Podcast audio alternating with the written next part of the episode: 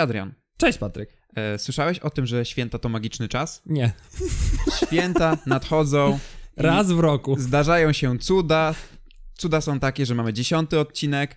I co w związku z tym? Co w związku z tym? I w związku z tym wypadałoby chyba jakiś specjal zrobić, nie Patryk? Coś w ten deseń. Tak Dokładnie, się jeżeli- mówi przynajmniej. Jeżeli słuchacie nas na YouTubie, to już wiecie o co chodzi. Jeżeli słuchacie nas na Spotify'ach i innych, e, innych platformach, to nie wiecie o co chodzi. Ale właśnie wam machamy. Tak, właśnie wam machamy. Właśnie Tak. wam machamy, jesteśmy również na wizji, także jeżeli e, chcecie nas e, nie tylko słuchać, ale też oglądać, no to zapraszamy na YouTube'a. A przy okazji jeszcze, bo ktoś może się zastanawiać, jeżeli ktoś nie, nie wchodzi na YouTube'a, na przykład słucha nas tylko przez Spotify, zastanawia Mhm. się albo przez jakąś inną platformę podcastową i myśli sobie, ej, ale dlaczego jest niedziela, a podcast jest wypuszczony? Ha! I jeżeli wejdziecie na YouTube'a, to zobaczycie, że na naszych głowach są czapki mikołajowe. I z racji tego, że prawdopodobnie jesteście mądrzy, bo słuchacie podcastu popularno-naukowego, to możecie sobie gdzieś tam w głowie wyczaić, że mm, są Mikołajki. A że są Mikołajki, to stwierdziliśmy, że wypuścimy ten odcinek trochę wcześniej jako taki prezent, a że przy okazji stuknęło nam, e, stuknął nam dziesiąty odcinek, jesteśmy na tyle Mhm. wytrwali, żeby to nagrać, no to przy okazji nagraliśmy takie zgromadzenie odcinek. cudownych przypadków, że po prostu no musieliśmy to zrobić. A wszystko w święta. Tak jest. Teraz brakuje, żeby mi ci miłość wysnął. Jeszcze tu mogłaby być jarzębina nad Jesteś, nami. o, jest, nie E, zmieściła się ja- w kadrze. jarzębina, jemioła, jemioła. Jemioła, tak. Nie zmieściła się w kadrze. Tak, ten wspaniały pasożyt. Dobrze, rozpocznijmy tak, w takim razie. Tak, czyli oficjalnie dziesiąty odcinek, podcast hechemiczny, czyli podcast popularno-naukowy, ale czasami nie. Ja jestem Adrian Ja jestem Patryk. I zaczynamy, no nie ma to przedłużać. Patryk, e, kurczę, rozpraszam mnie w ogóle ten, bo ja mam włączony podgląd z telefonu na komputerze, żeby zobaczyć, czy ta, czy cały czas mi się nagrywa, czy coś się nie wywaliło. Przede wszystkim mam nadzieję, że nas zobaczycie na wizji i że nic się nie wykrzaczy. No. I że dźwięk działa, bo też mamy nową metodę nagrywania, znowu, za co odpowiadam ja. Swoją drogą i wideo jest idealną okazją, żeby zobaczyć nasze bardzo Dobrze, prowizoryczne... Adrianie. Ciężko, cię, w ciężkich bojach, ale jesteśmy, tak. E, Dobrze, zwiastun Patryk, bo ty dzisiaj Zwiastun. zaczynasz. Adrian, według ciebie, jakie jest najstarsze pytanie świata? Czy to było coś w stylu uga buga? Mama? No, masz jakiś pomysł? Najstarsze pytanie świata? Boże, czekaj. Eee, ale w sensie w ciekawe. takiej, ale w, masz na myśli pytanie w sensie Wyobraź już w mowie, już w mowie. Sawa, już w sawannę, mowie. stepy, gdzieś tam jeden do drugiego odkrył, że potrafi coś artykułować. No dobra, no to, ja, no to ja mówię, że to będzie... No dobra, okej, okej, okej. A jedno z najstarszych filozoficznych pytań? Boże, czekaj. Eee, matko, kim... Quo vadis? Nie wiem, kim jesteś? Dokąd zmierzasz? Po co No, zmierzasz? Czy jesteś ciekawe, szczęśliwy? Ciekawe. Co dzisiaj ja robisz? że jednym z takich najstarszych Słuchasz podcastów? Ja obstawiam, że jednym z takich najstarszych filozoficznych pytań mm, byłoby, czy jesteśmy sami we wszechświecie? Ci ludzie pierwotni gdzieś tam wieczorami, w nocy spoglądają w gwiazdy, patrzą, zastanawiają się, cóż, na co oni w ogóle patrzą, no i mogą się zastanowić, czy, czy my tutaj jesteśmy sami, czy gdzieś ktoś za rogiem jest. No i dzisiaj opowiem o tym właśnie, jak naukowcy próbują odpowiedzieć na to stare jak świat pytanie. Okej. I to jest temat mojego odcinka. A twój temat? E, Ja sobie pozwoliłem nazwać mój temat tak, jak nazwałem jedną prezentację, na, która miała być docelowo na konferencję, ale przyszła pandemia i niestety nie było. I uwaga, słońce na smyczy, czyli jak ujarzmić fuzję jądrową. No, Więc będę opowiadał, jest, zresztą to jest kontynuacja mojej małej miniserii energetycznej, bo tak jak zapowiadałem w poprzednim odcinku, chciałem powiedzieć coś o fuzji jądrowej jako jednym z tych takich, to się nazywa świętym gralem w ogóle produkcji energii elektrycznej. Powiem między innymi dlaczego, więc generalnie będzie o fuzji jądrowej, tak głównie o historii, też taki trochę quasi, bardziej felieton, taki nazwijmy to dziennikarski, aniżeli jakiś tam bardzo, bardzo ultra wchodzący w szczegóły e, w naukę. Także, także tyle. Także zwiastuny jak zwykle w, e, w opisie odcinka, od których Mhm, Możecie momentów. zobaczyć sobie, który temat rozpoczyna się kiedy, jeżeli interesuje Was tylko jeden. E, No i co? I teraz przejdziemy do małego kącika społecznościowego, bo działo się, oj działo. Tak, działo się przez ostatnie dwa tygodnie, tak, tak uderzyło, tak walnęło. Co się, co się, od czego się zaczęło, Patryk? tak Zacznijmy od naprawdę? tego, że nasz uniwersytet wyszedł z taką inicjatywą i zaprosił nas do tego, by dać się im poznać. Tak. W Tak sensie nie, że napisał do nas personalnie maila, tylko dał ogłoszenie. O, na ale można prawie ale, powiedzieć. no, no, no. No więc niemniej jednak zgłosiliśmy się, powiedzieliśmy, że jesteśmy. E, No i faktycznie zostaliśmy zauważeni, zostaliśmy poleceni na stronach uniwersytetu, na fanpage'ach uniwersytetu, zostaliśmy również wspomnieni w mailu od e, pana rektora. Yy, Zostaliśmy również wspomnieni w podcaście pana rektora. Podcast nazywa się Dwóch historyków, jeden mikrofon. Dobrze mówię? Tak, dokładnie. Dobrze. Także bardzo mikrofon. dziękujemy panu rektorowi, panu profesorowi yy, Krzysztof, Krzysztof yy, przepraszam, Przemysławowi Wiszewskiemu.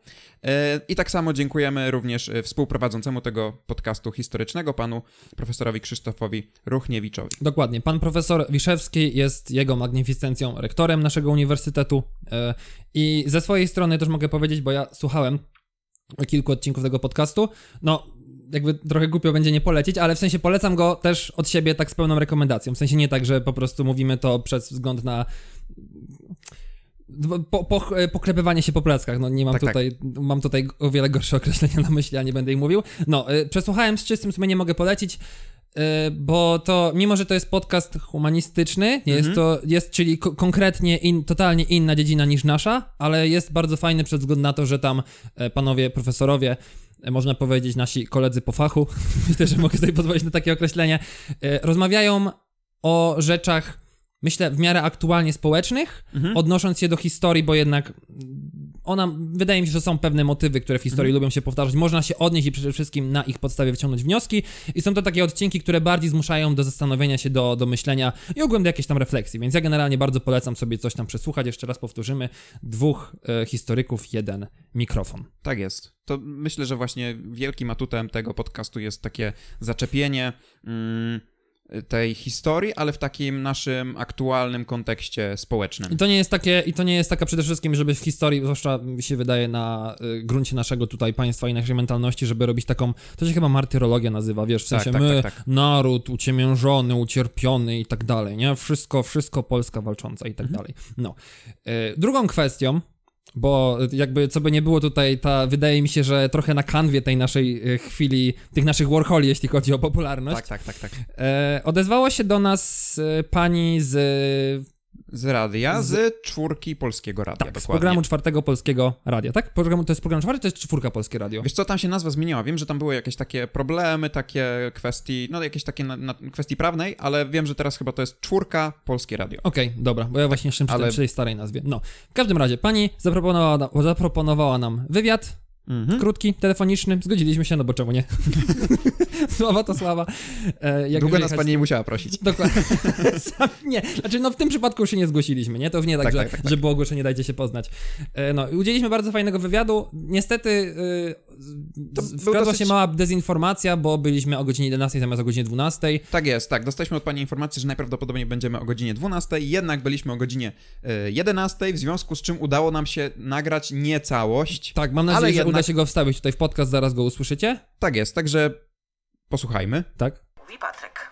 jeżeli brakuje komunikacji między nauką a społeczeństwem, no to dzieje się to, co się dzieje. Mamy jakieś ruchy antyszczepionkowe, jakieś takie różne sytuacje, gdzie rosną jakieś teorie spiskowe i tak dalej. I wydaje mi się, że to w dużej mierze również wynika z tego, że ta poważna nauka bardzo ma wielkie problemy z komunikacją tego, czym ona się zajmuje. Wśród tematów, jakie już poruszali, znalazł się podcast o tym, jak naładować telefon cegłą, czy wyjaśnienie, dlaczego zamki z piasku się psują. Nagrania ukazują się co dwa tygodnie, w każdy poniedziałek po 6 rano są dostępne na wszystkich popularnych podcastowych platformach, m.in. na YouTube i Spotify. Albo nie? No, e, także mam nadzieję, że wam podobał się wa, e, wam nasz krótki wywiad, chociaż było słuchać niestety tylko mnie, a nie Adriana. No, trudno. To, No trudno. Ja, ja dzisiaj będę gadał półtorej godziny za to. Ale nasze takie, e, jak nazywamy au- audycję podcastową quasi radio, znalazło się w prawdziwym radio. Dokładnie. Tak. Także super. Kolejne osiągnięcie na naszej podcastowej drodze do chwały. I ostatnie, e, ostatni nasz aspekt w kąciku społecznościowym to tutaj mała uwaga od, e, od Damiana, pozwolę sobie, bo to jest mój znajomy. E, otóż e, po, powiedziałem w odcinku o tym, że tutaj chciałem e, zabłysnąć bardzo wiedzą z mojej śląskiej gwary, która kiedyś byłem wielkim fanem i starałem się jakoś naśladować, oczywiście nieudolnie. Mówiąc, że idziemy do kopalni, nie mówimy, że idziemy na grubą, tylko na grube. Także Dzięki Damian, nie ma za co. Twoje żądania zostały spełnione. Mam nadzieję, że jesteś zadowolony. No, No i super, czyli mamy już e, lekcję gwary śląskiej za nami. tak. y, Ja. Oj, nie, dobra. Wiesz, jak jest skóra po śląsku. Nie wiem i nie chcę wiedzieć. To ja wam nie powiem, to sobie wyszukajcie Dobra. w Google. To jest zadanie na dziś. E, czy w takim razie możemy mm, rozpocząć nasze, nasze tematy? Tak, Patryk, zamieniam się w słuch. Co z tymi kosmitami? No dobrze, no to y, no to tematem tego odcinka jest to, czy jakieś inteligentne formy życia, poza oczywiście nami, gdzieś tam w kosmosie, we wszechświecie są.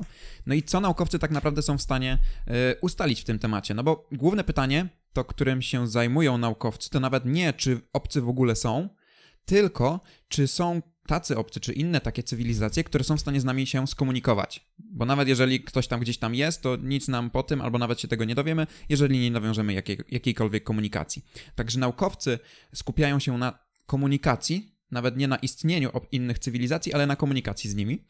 E, I skupiają się również tylko i wyłącznie, przynajmniej na razie, na naszej galaktyce. Słucham cię. Ej, bo ja mam. Ta, ta, bo generalnie mam takie, teraz mi taka myśl przyszła do głowy, że co jeśli faktycznie ktoś tam istnieje w tym wszechświecie mhm. i stwierdza, że aha, ci, ci, ci głupi dalej myślą, że się z nami skontaktują. Tam, ej, weź, nie wiem, wyślij im sygnał, jak ktoś pierdzi, czy coś będą to analizować przez najbliższe 3 lata, damy, ten, damy mi spokój, a potem wyślemy im drugi taki dźwięk, nie? Czy coś w ten deseń. No, ale może tak być, nie? Że oni nas widzą, my ich nie widzimy. Są on... bardziej zaawansowani technicznie i nas po prostu trolują, nie? No, no, no, no, no. coś takiego.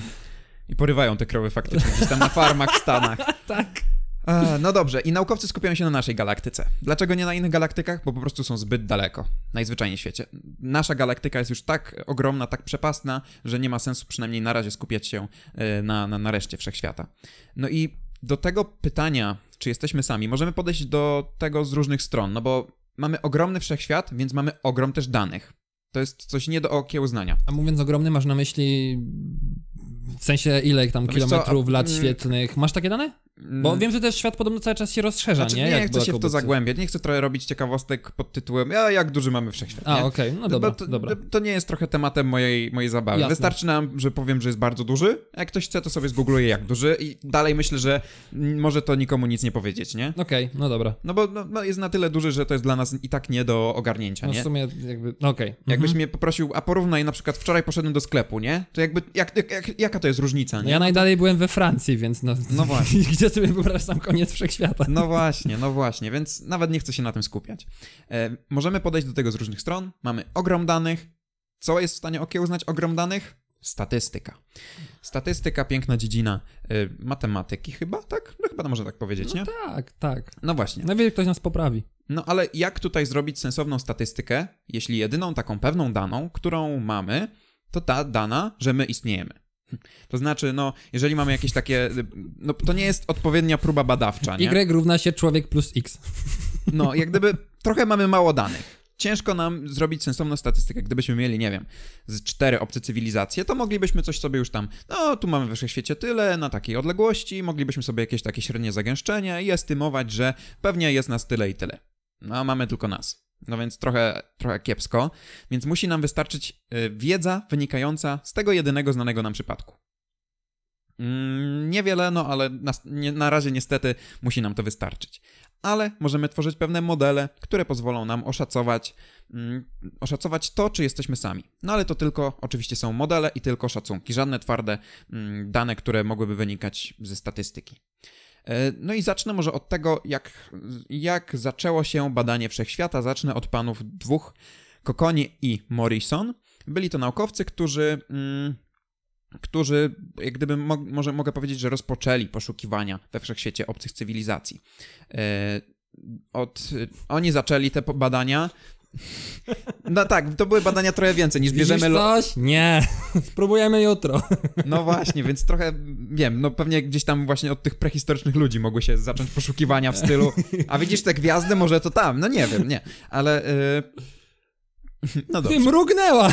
To na pewno oni. Więc póki co od tego czasu oni yy, no oczywiście polegli, nie znaleźli nikogo we wszechświecie, chociaż no różne ciekawe rzeczy odkryli i tak dalej, i o tym zaraz.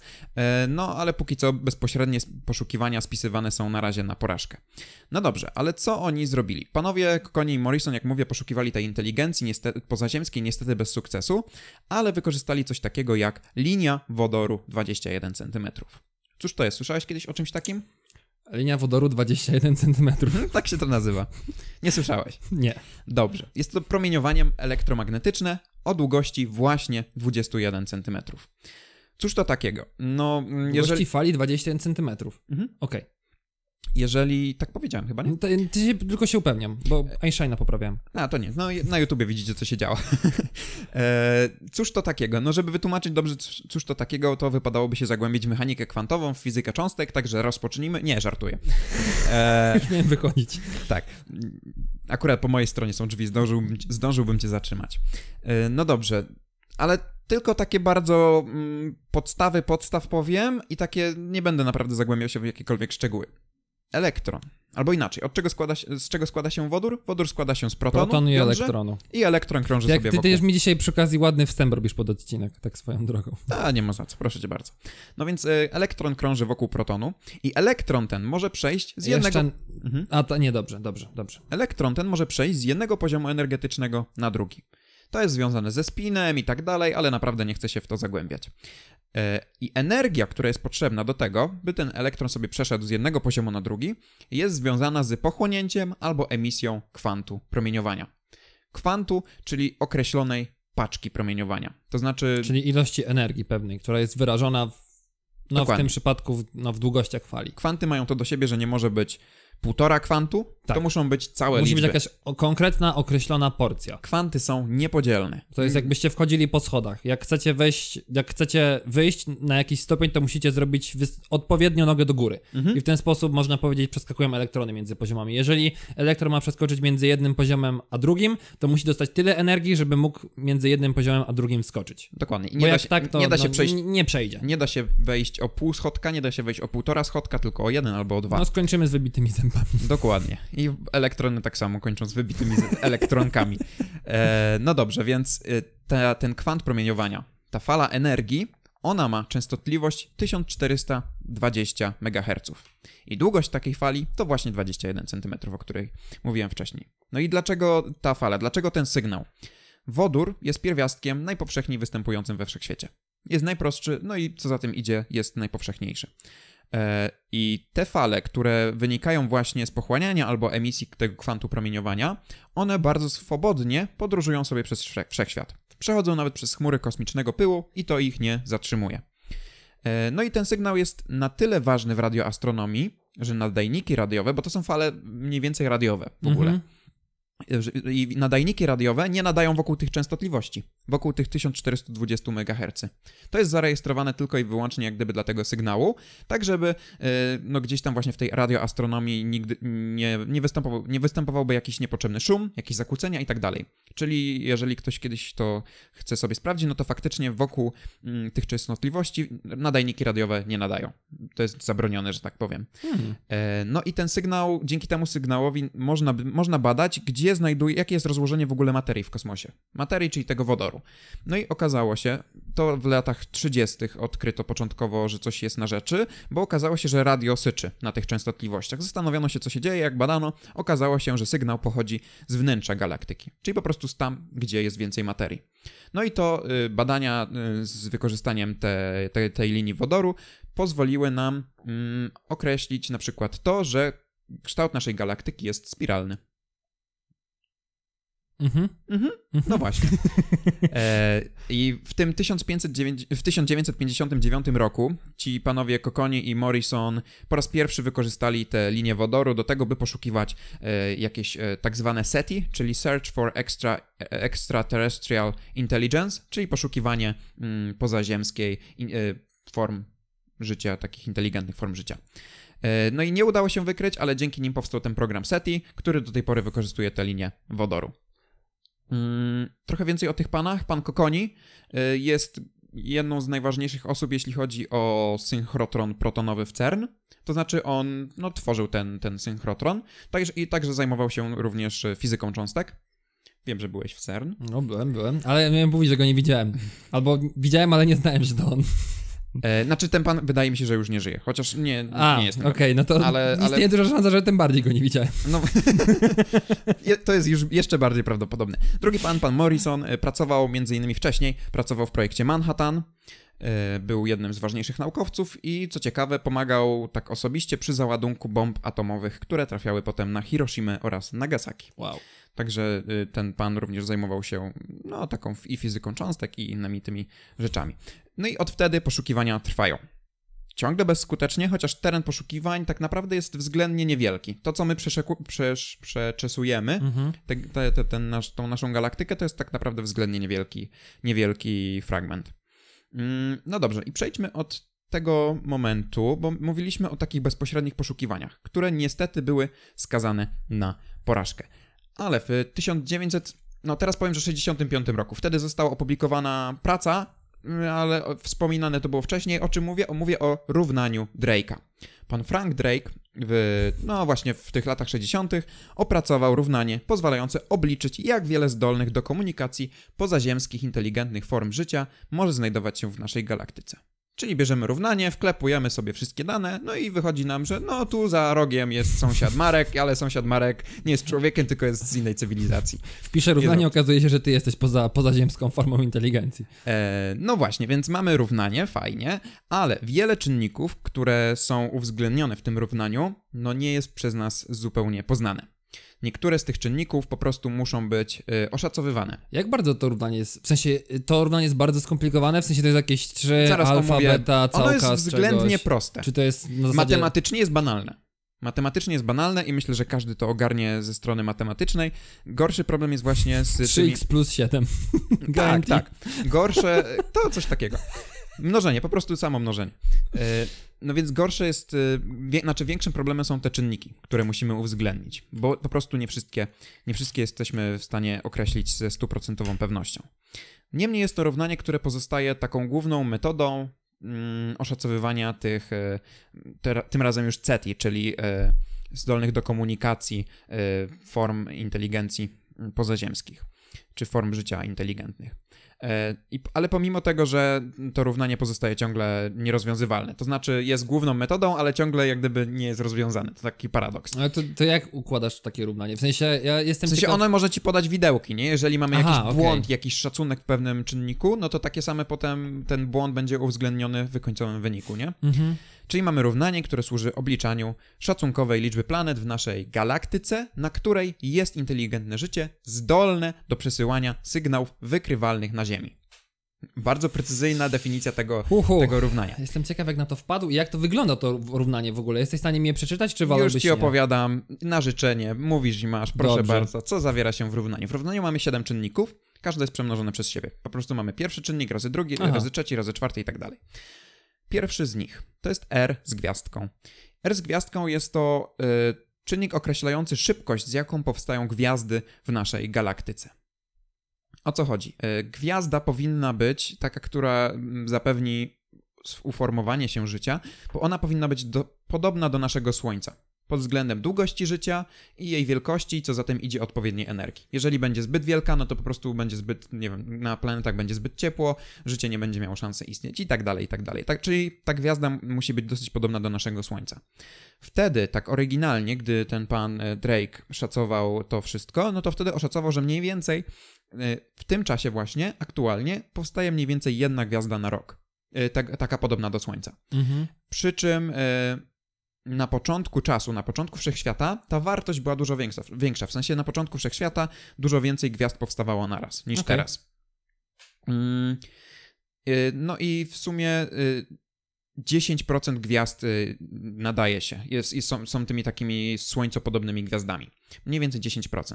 Ale mówiąc słońcopodobne, masz na myśli to, że one same wytwarzają energię i tak dalej, i tak dalej, czy... Znaczy każda gwiazda jakąś tam ma swoją formę energii. Czy chodzi mi, nie? chodzi mi Ale o... no, chodzi o rozmiar Okej, przede wszystkim. no kurczę. I o, mm, o energię. Okej, dobra, Mhm. dobra.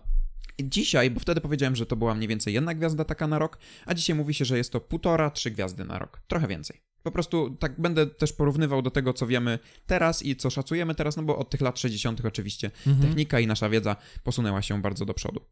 E, dobrze, kolejny czynnik to jest FP. FP, mianowicie odsetek gwiazd, które w ogóle mają planety. Bo mogą być takie gwiazdy, które są słońcopodobne, ale co z tego, skoro wokół nich nie krążą żadne planety, nie? E, No i mówi się, że między, między, tutaj podam dwie różne wartości, czyli albo połowa gwiazd, albo co piąta gwiazda ma planety. Między tymi wartościami gdzieś jesteśmy. E, I to było tak oryginalnie powiedziane. Dzisiaj uważa się, że jest to raczej wartość bliska jednego. To znaczy, że prawie każda gwiazda ma jakieś planety.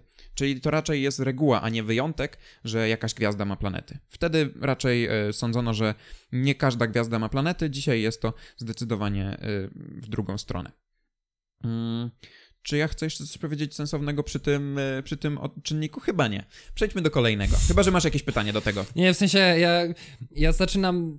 Ja żyję dalej, że my żyjemy sobie w swoim układzie słonecznym. Mhm. Mamy tam ten układ i kilka planet. Mhm. jakby jak ja już mam, jak ja już gdzieś słyszę, że gdzieś tworzą się inne słońca i inne, znaczy słońcopodobne planety, no ale to po prostu przyrównuje sobie do słońca. Mhm, dokładnie. I jakby, że tego jest tak dużo, że to jest, nie tylko my jesteśmy, tylko jest tego no, no od groma po prostu, jakby ja tego nie jestem w stanie pojąć, mój mózg, że tego jest tak dużo w ogóle. Ja też nie, dlatego też nie, podej nie podejmowałem próby wyjaśniania, jak wielki jest wszechświat. Nawet, wiesz, no po prostu ja sobie tego nie wyobrażam, że gdzieś i jak daleko, że po prostu istnieje sobie coś takiego jak my, taka alternatywna wizja rzeczywistości, mhm. w sensie gdzieś też jest jakiś Adrian i Patryk, tylko że oni już są sławnymi podcasterami i zarabiają miliony złotych na przykład, nie? W ten deseń. I też zastanawiam się, ciekawe, czy istnieje jakaś inteligentniejsza forma życia od naszej. E, ciekawe, okaże się na końcu mniej więcej, no jak naukowcy szacują, A poznamy tych, swoje alterego. Ile tych cywilizacji jest. Okej. Okay. E, no dobrze, kolejny czynnik to jest NE. E, czyli średnia liczba planet, które krążą wokół gwiazdy w odpowiedniej odległości. Bo e, nie może ta planeta krążyć zbyt blisko i zbyt daleko, bo to musi być tak zwana taka ekosfera, to znaczy tam, gdzie jest odpowiednia energia przekazywana ciągle e, planecie. No bo gdybyśmy byli zbyt blisko, to się zjaramy, a gdy będziemy zbyt daleko, to tej energii będzie zdecydowanie zbyt mało, nie? Mhm. Mm, no i oryginalnie oszacowano, że od jednej do pięciu takich planet w tej takiej ekosferze krąży wokół gwiazdy, która w ogóle ma planety, nie? Bo wcześniej mówiliśmy o tym, czy w ogóle gwiazda ma planety. Jednak, biorąc pod uwagę to, że te planety muszą mieć odpowiedni skład pierwiastków, muszą być odpowiednio metaliczne, yy, muszą być też odpowiednio yy, daleko od supernowych. Gdzieś tam w galaktykach pojawiają się, w galaktyce pojawiają się supernowe i one mm, są bardzo niekorzystne, jeżeli są blisko dla życia, tak twierdzą naukowcy. No i też yy, orbita tych planet musi być stabilna przez odpowiednio długi czas. Nasza orbita przynajmniej na razie nie, nie za bardzo się zmienia, ale może być tak, że po prostu te orbity mogą się zmieniać w czasie. To znaczy na, krążymy wokół ekosfery, ale potem planeta zaczyna krążyć coraz bliżej Słońca, e, no i wtedy już wypada z tej ekosfery i no, nie ma odpowiednich warunków do tego, by uformowało się życie. Więc to jest taki, e, taki, taki czynnik, i dzisiaj te wartości są szacowane na dużo, dużo poniżej jednego. To znaczy, że średnio jak już mamy taką gwiazdę, która ma planety, no to średnio jest to raczej no mniej niż jedna planeta, taka. E, czyli jest to taki czynnik, który dosyć mocno nas ogranicza, nie? E, no dobrze, mamy też czynnik FL. Jest to bardzo ciekawy e, fragment tego wzoru, bo jest to odsetek planet w tej ekosferze już, na którym powstanie życie. Mhm, okej. Okay. No i jak to oszacować? Badanie Ziemi sugeruje, że ten odsetek może być całkiem wysoki. No bo y, jak tylko na Ziemi, były, jak tylko na naszej planecie, na Ziemi, były odpowiednie warunki, tak prawie od razu powstało życie. Mhm. Przy czym no to jest znowu jeden przypadek. Ciężko stwierdzić, czy my byliśmy wyjątkowi i czy nasza planeta była wyjątkowa. Ale dużo, jak tak gdzieś mi się trafiają jakieś artykuły z kosmosu, znaczy związane z kosmosem, jest mhm. tam, że naukowcy odkryli 10 planet, które są podobne do Ziemi, nie? W sensie, że tak, może na nich być życie, tylko no? że są kurcze 10 autostrad gwiezdnych, nie? Od nas mm -hmm, po prostu, mm -hmm. więc no jak my, zanim my tam dolecimy, to tam wszyscy na tym Ale wiesz, naukowcy umrą. mogą stwierdzić może jakaś metaliczność, może jakie, jakie proste związki organiczne. W ogóle to mnie fascynuje, jak oni są w stanie określić, no ta planeta, która jest oddalona o, nie wiem, 500 lat świetlnych jest taka, na której moglibyśmy zamieszkać w przyszłości, nie? No ja myślę, że wiesz, głównie chodzi tutaj o jakieś badania spektroskopowe, nie? I skład pierwiastkowy. No, to jest przede tak, wszystkim. No. Ale jak, dla mnie to jest, dla mnie to jest w ogóle coś takiego no. mega abstrakcyjnego, jak no nie wiem. Uwaga, ciekawostka. No nie wiem. Hell, bardzo taki powszechny pierwiastek, nawet dzieci się bawią, wciągają hell i mówią śmiesznym kaczym głosem, nie? Hell został najpierw odkryty na Słońcu, a potem na Ziemi. Stąd y, no, hell, to mnie nie że dziwi. od Słońca, nie? To mnie nie dziwi. No. Że piekło. że piekło. E, tak. że ciepło. E, no dobrze, wróćmy. Gdzie ja byłem? W którym ja miejscu byłem? Równanie FL. Mówiłem, że A ty notujesz chyba, czy tak pamiętasz dobrze? Fuh, stary, ja mam najwspanialszą pamięć na świecie. Tak więc, tak jak wspomniałem, na Ziemi jak tylko były odpowiednie warunki, tak od razu powstało życie. Ale no nie możemy tak bezpośrednio tego przekładać że, i stwierdzać, że no jeżeli będą warunki, no to będzie życie. Bo tego nie wiemy tak naprawdę. E, więc to jest takie tylko przypuszczenie. Jest też No pytanie, no, Może być życie, ale to mogą być dalej mamuty na przykład. o Albo tym jeszcze jakieś dinozaury. dalej. O tym będę mówił A, jeszcze dalej. super.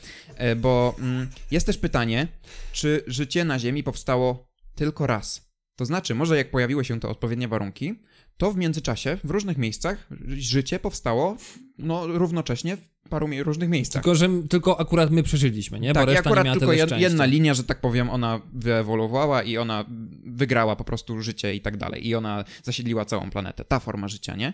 Tego nie wiemy, ale badania trwają yy, i chociaż na razie jest brak dowodów, ale są różne badania na bakteriach, bo może niektóre bakterie pochodzą z jakiejś takiej od innej gałęzi powstawania życia. W ogóle druga Mhm. kwestia jeszcze, bo okej, dobra, jestem w stanie określić, jaki skład ma planeta tam te 500 milionów lat świetlnych na przykład. Spoko. Mhm. Ale to mnie też fascynuje, czy w ogóle fascynuje mnie to, że my patrząc w niebo, jeśli dobrze rozumiem, i ten, my widzimy rzeczy, które dzieją się x lat temu. Tylko po prostu Tak. one dopiero przyszły. Te, czyli na przykład teraz gwiazda, którą widzę na niebie, tak naprawdę mogła 30 lat temu zgasnąć, ale ja tego nie zobaczę, ale ja to dopiero zobaczę za 30 lat, bo ten sygnał dopiero do nas dojdzie, nie? Tak, tak. Jakby z tą prędkością.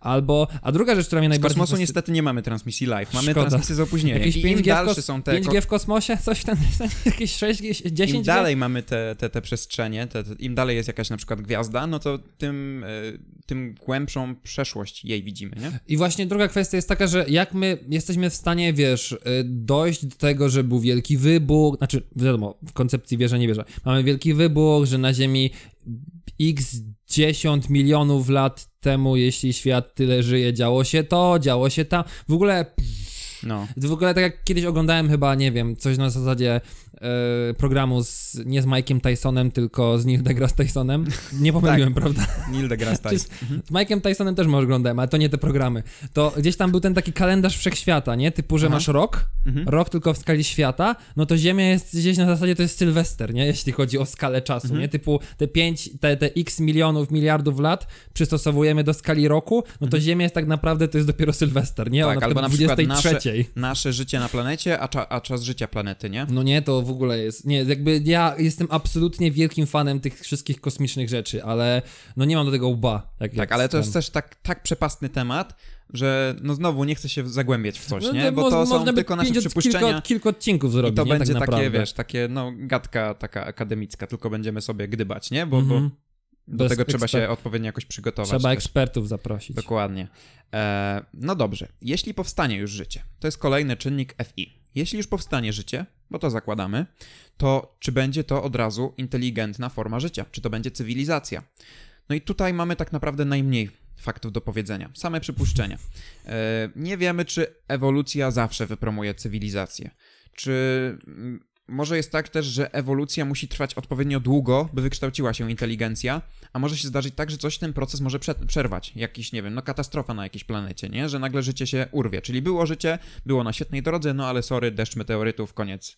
No i, No i, i- i, próbujemy następnym życia, razem w inny, inny far, far away, long ago i w innej Widzisz przez galaktyce. tę lornetkę, ło, nowa forma życia, idziesz dalej, o cholera, nie? Widzisz już ten taki, widzisz ten meteoryt, Meteory. który spada na tę ziemię, ta ziemia eksploduje, no to było sobie życie. Było sobie życie. Także, y, no właśnie, niektórzy uważają, że na Ziemi istniało wiele gatunków, tylko jedno stworzyło cywilizację, więc raczej ten czynnik powinien być niski.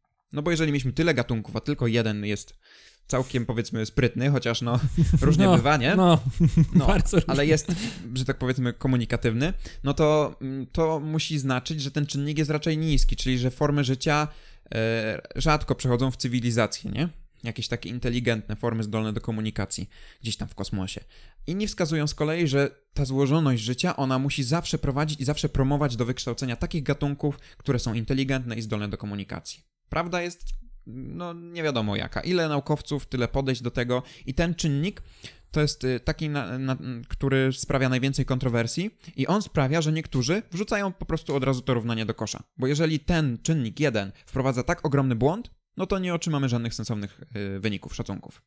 Przy czym ja pragnę zauważyć, że ten Francis Drake, Frank Drake, przepraszam, Frank Drake, gdy opracowywał to równanie, to, to nie miało na celu faktycznie obliczyć czegoś, bo zdawał sobie sprawę z wielkich ograniczeń tego, że tak bardzo dużo jeszcze nie wiemy. Ale to miało po prostu pokazać, jakie rzeczy musimy się jeszcze dowiedzieć, jakie, to miało wytyczyć kurs w nauce po prostu, na co musimy zwrócić uwagę i gdzie jesteśmy, na jakim etapie poznawania wszechświata. Mhm. Przedostatni czynnik FC. Ilość cywilizacji, które są zdolne do komunikacji, ale które w ogóle będą chętne do tego, by się komunikować. Bo Zero. póki co. Minus pięć nawet. E, no właśnie, te cywilizacje, które w ogóle spróbują się komunikować. E, Komunikacja w galaktyce jest raczej trudną sprawą i mówi się, można przyjąć, że tak naprawdę my jeszcze nie należymy do tego grona. Bo może no nie jesteśmy w stanie jakoś sensownie się komunikować z innymi cy- cywilizacjami. Chociaż jesteśmy na jakiejś takiej drodze do tego. E, no i też tak jak mówię, od 50 lat dopiero próbujemy, podejmujemy jakieś próby, nie? Sygnały dymne. Już przestaliśmy E, wysyłać. No właśnie, niektóre cywilizacje po prostu mogą siedzieć w jakichś bunkrach i być jak stonka, mogą siedzieć cicho i jeść ziemniaki i nic więcej, nie? I się nie dowiemy, nic więcej. A analiza pierwiastków nam nic nie wykaże. No nie, no nie dowiemy się, Poza najzwyczajniej nie substancjami organicznymi, typu Dokładnie. skrobia i tak dalej. Chyba, że mają nie wiem, ziemniaki z kamieni na przykład. Jedzą marmur albo coś w ten O, deseń. no właśnie. Ale co ciekawe, my wysłaliśmy swego czasu wiadomość Arecibo. W ogóle to Co to Arecibo. jest Arecibo? Arecibo to jest. E, ojejku, to jest taki wielki nadajnik, Mhm. Parę dni temu się rozpadł. A, wiem, No właśnie. widziałem, znaczy słyszałem. Ale i wiadomość została nazwana, e, nazwana tak samo Arecibo. E, to był taki jednokrotnie. Mogę tego nazwać hejka? albo coś w Siema. To my tutaj. Uhu. E, No właśnie, i to był taki jednokrotnie wysłany sygnał w przestrzeń w 1974 roku, który miał trafić w taki malutki fragment galaktyki. Oni oszacowali, że tam jest duże zagłębienie materii, dużo gwiazd i tak dalej, więc tam wysyłamy. No i ta zawartość wiadomości była opracowywana między innymi przez, właśnie przez pana Drake'a. E, I wiadomość dotrze w wyznaczone miejsce za około 25 tysięcy lat. No. Więc... No to się naczekałem na kosmitów. Więc zobaczymy. Jeżeli wiadomość do, dotrze tam za 25 tysięcy lat, to nawet jeżeli dostaniemy wiadomość zwrotną, to za 50 tysięcy lat. Ale, o jest, ale to jest, czekaj, bo to jest, przez tą wiadomość, masz na myśli, to jest sygnał dźwiękowy, czy Zaraz to jest powiem, co promień lasera, czy co to jest? To był w takim systemie dziesiętnym zapisany sygnał e, przedstawiający, no właśnie, najpierw system dziesiętny, potem zapisany w tym, systemie, w tym systemie zapisane były liczby atomowe pierwiastków, które budują życie. A dokładnie, które budują DNA, czyli wodór, tlen, azot, węgiel oraz fosfor. E, Była też e, zaznaczona budowa DNA, nukleotydów, wydaje mi się. Był również na- narysowany kształt podwójnej helisy, no i jeszcze inne informacje w stylu był narysowany taki ludzik, y, taki, taki ludzik przypominający kształtem ludzkie ciało i tak dalej. Dalej uważam, że siema byłoby bardziej skuteczne. Kwestia uznania, no. Nie no, wiem. Więc takie rzeczy wysłaliśmy w kosmos, takie swoiste przywitanie się. Czy to kiedyś doleci, czy... To czy... tak, wodór, tlen, azot, fosfor, tak? Tak, to budu- wodór, tlen, azot, węgiel, fosfor. A, węgiel, trzeba, może by jakieś słowo z tego ułożyć. E, Ho... Wiesz co, to jest, e, są ten, mm, pierwiastki, makroelementy tak zwane Mhm. i to mówiło się, że to jest Hopkins na kawie z magnezem i chlorem. Przynajmniej ja sobie to tak zapi- zapomina- zapamiętywałem. Zapominałem. To, mhm, No, ja, ta, ja to zapominałem w ten sposób. Nie, ja to zapamiętywałem. To na biologię się przydawało w liceum. E, No niemniej jednak. I to jest też w kolejności w miarę y, od ważności, czy chyba od tego, jak procentowo się, mm, jaki jest procentowy udział w naszym ciele. Okej. Hopkins, czyli CH, O, P, N, S, mm, potem Na jako sód, Ca jako wapń, magnez i chlor. No, więc dalej pamiętam. Okej. Yy, no nie, nie, nie, nie, nieistotne. Kolejny, ostatni już czynnik, O mój ale bardzo ważny. Mm, Co nam po tym, że mamy jakąś cywilizację, która jest zdolna do komunikacji i która nie jest stonką i która jest chętna do, cywiliza- do, do, do komunikacji, co z tego, jeżeli nie zsynchronizujemy się w czasie? To znaczy, jeżeli A, ta cywilizacja istniała sobie albo po nas, albo przed nami. Czyli ten czynnik to po prostu jest czas życia, czas istnienia takiej obcej cywilizacji. Obce cywilizacje mogą istnieć, ale jeżeli tego nie zsynchronizujemy w czasie, no to niestety komunikacji nie będzie. To jest też ważny czynnik, który też ciężko określić, no bo my sobie żyjemy krótko i jesteśmy w stanie do kom... no, też trzeba uwzględnić to, jak długo jesteśmy w stanie się komunikować, to znaczy od jak dawna. No my jesteśmy od 0 lat, ewentualnie tak w takich mega mm, Ja wiem, no tak pozytywnym nastawieniu, no to od 50 lat. No mało, No, trochę tak. No. no mało. Tym bardziej biorąc pod uwagę, jak długo sygnały idą, nie? No właśnie. Podsumowując, mm, ilu naukowców, tyle metod szacowania poszczególnych czynników. Stąd wyniki tego równania są bardzo, bardzo różne. Jest coś też takiego jak paradoks Fermiego, który mówi sprawdzam. Mówi sprawdzam dla tego, e, dla tego wzoru, dla tego równania. I ten paradoks brzmi mniej więcej tak. To jest takie pytanie, że gdybyśmy mieli chociaż jedną cywilizację, chociaż jedną cywilizację, która przeżyłaby miliony lat, to prawdopodobnie ona skolonizowałaby sobie kosmos. W większym lub mniejszym stopniu, ale jeżeli żyłaby te miliony lat, no to nawet te milion lat, no to to jest, jeżeli by się poruszali nawet z prędkością światła, no to zasiedliliby jakiś taki okrąg o promieniu milion lat świetlnych. Dużo, więc zauważylibyśmy to.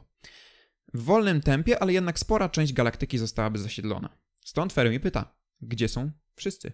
Where is everybody? Gdzie oni są? Nie ma tu ich. Nie ma tu ich. No i odpowiedzi na to pytanie jest wiele. Może po prostu w ogóle mało cywilizacji powstało.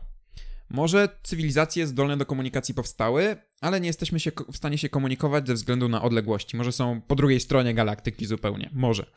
Może życie cywilizacji jest krótkie, więc nie zdążymy się w ogóle skomunikować. To Albo znaczy- nie chcą się z nami komunikować. albo nie chcą się z nami skomunikować. Także hipotez jest wiele. Mm, No, ale też to, co naukowcom nie daje spokoju, to rachunek prawdopodobieństwa i wielkość wszechświata. No bo gdyby faktycznie tak było, że Ziemia jest wyjątkowa, jedyna w swoim rodzaju, no ktoś wyrzucił. No, milion w totka to jest w ogóle nic przy tym, przy tym przypadku, no bo i że tylko tutaj powstała ta cywilizacja, no to to oznaczałoby, że jesteśmy jedyną planetą z 60 miliardów planet, które znajdują się w ekosferach. No niezły przypadek, nie? No, tak wyszło. No niezły, więc A w dodatku jesteś jednym z tych siedmiu ponad miliardów szczęśliwców, który ma zaszczyt żyć na niej. W tym Dokładnie. okresie. dokładnie, więc no to jest tak wielki przypadek, że naukowcy mówią, no kurczę, no, no, no, no nie, Come no, on! no coś Przecież musi to nie może tak być. O, wiesz, no, On! On tutaj żyje ze mną! Czyli mamy tak, Fermi mówi, że no ej, no słuchajcie, no skoro miałoby być życie, no to już byśmy to wiedzieli, gdzieś byśmy się spotkali, nie? A w tak, no to oni mówią, no dobra, to odpuszczamy sobie, no ale czekaj, no skoro, no to no jeżeli nie ma Ale co, nikogo, że już? to my jesteśmy wyjątkowi, nie? No i to jest tak bardzo nieprawdopodobne, że aż no tam ktoś musi być za rogiem, ktoś musi tam być. Yy, No i teraz y, mamy to równanie Drake'a, które jest już dosyć, że tak powiem, leciwe. I ja w tym momencie opowiem o tegorocznej publikacji. Bo, no właśnie, równanie Drake'a jest stare, a my od tego czasu mamy nowe narzędzia i nową wiedzę. Stare szacunki, bo nie powiedziałem, jaki jest wynik tego równania Drake'a. Trzy. Stare szacunki wahają się. I bo, pół. Tak jak mówię, y, te czynniki są obarczone wielkim błędem i wielką niepewnością. Więc y, wahają się te szacunki od jednej cywilizacji naszej do miliardów w naszej galaktyce. No i to jest taki strzał, że to i ja mogłem Drake! zrobić, nie? No jest, wiesz, no. Uuu, kurde, ja, ja już te, ja już radar kupuję. To jest coś w stylu, że wiesz, Stawiam pytam, antenę. pytam cię, ej Adrian, jaki będzie wynik meczu, a ty mi odpowiadasz, no, No, wiesz co, od, od 0 do 0 do 10 do 10, nie? Coś pomiędzy tym. No, możesz, możesz tam kupon pisać, nie? No, myślę, że coś pomiędzy. No, to, to jest taki strzał, że ja powinien, ja też byłbym w stanie to zrobić, nie? Więc naukowcy stwierdzili, zróbmy nowe szacunki. Jak pomyśleli, tak zrobili. I tak zrobili e, naukowcy z Uniwersytetu w Nottingham. E, Przeprowadzili one różne obliczenia i szacunki, by określić właśnie liczbę tych cywilizacji zdolnych do komunikacji w kosmosie. Założenie było, y, jedno z ważnych założenie to było takie, że życie na innych planetach rozwija się w podobnym czasie jak na Ziemi. E, to znaczy, jeżeli są warunki, to pojawia się życie. To było takie ich ważne założenie. Dodatkowo poszerzają oni nieco zakres rodzajów gwiazd. To znaczy, że nie muszą one być identyczne do Słońca. Podobne. Y, Tutaj wcześniej trochę szacunki były bardziej jak gdyby takie restrykcyjne. Czyli oni też stworzyli takie tak zwane kopernikańskie założenie. Już tłumaczę, co to znaczy. Kopernikańskie, czyli że życie na Ziemi nie jest wyjątkowe i specjalne. Jeśli gdzieś będą podobne warunki, to rezultaty tych podobnych warunków będą takie same albo podobne. Kopernikańskie założenie dlaczego? No Kopernik wymyślił, że e, świat nie kręci się wokół Ziemi, czyli że Ziemia nie jest specjalna.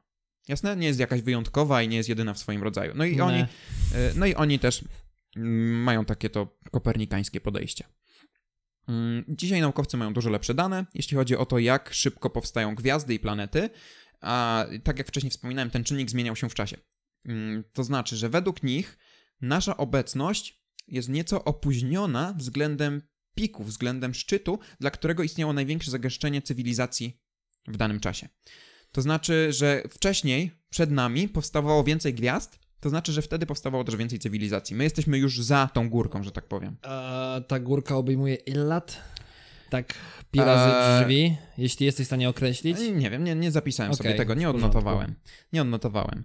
Ale a, te, to też e, to opóźnienie cywilizacji, znaczy to opóźnienie zostało też uwzględnione, jak gdyby inaczej, powstało przez to, że zostało uwzględnione to, że cywilizacja trwa poniżej jednego miliarda lat. Bo gdyby cywilizacje trwały, czy żyły sobie więcej niż 1 miliard lat, to ciągle bylibyśmy w tym piku.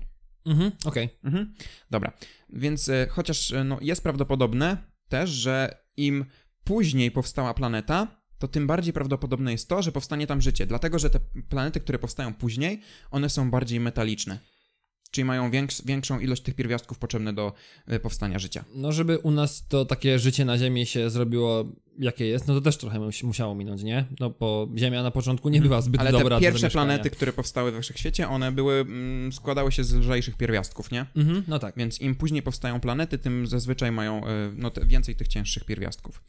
Jakie wnioski i co obliczyli ci panowie i panie Od zera do pół miliarda. E, mamy dwa scenariusze. Bardziej i mniej restrykcyjny. Takie sobie określili e,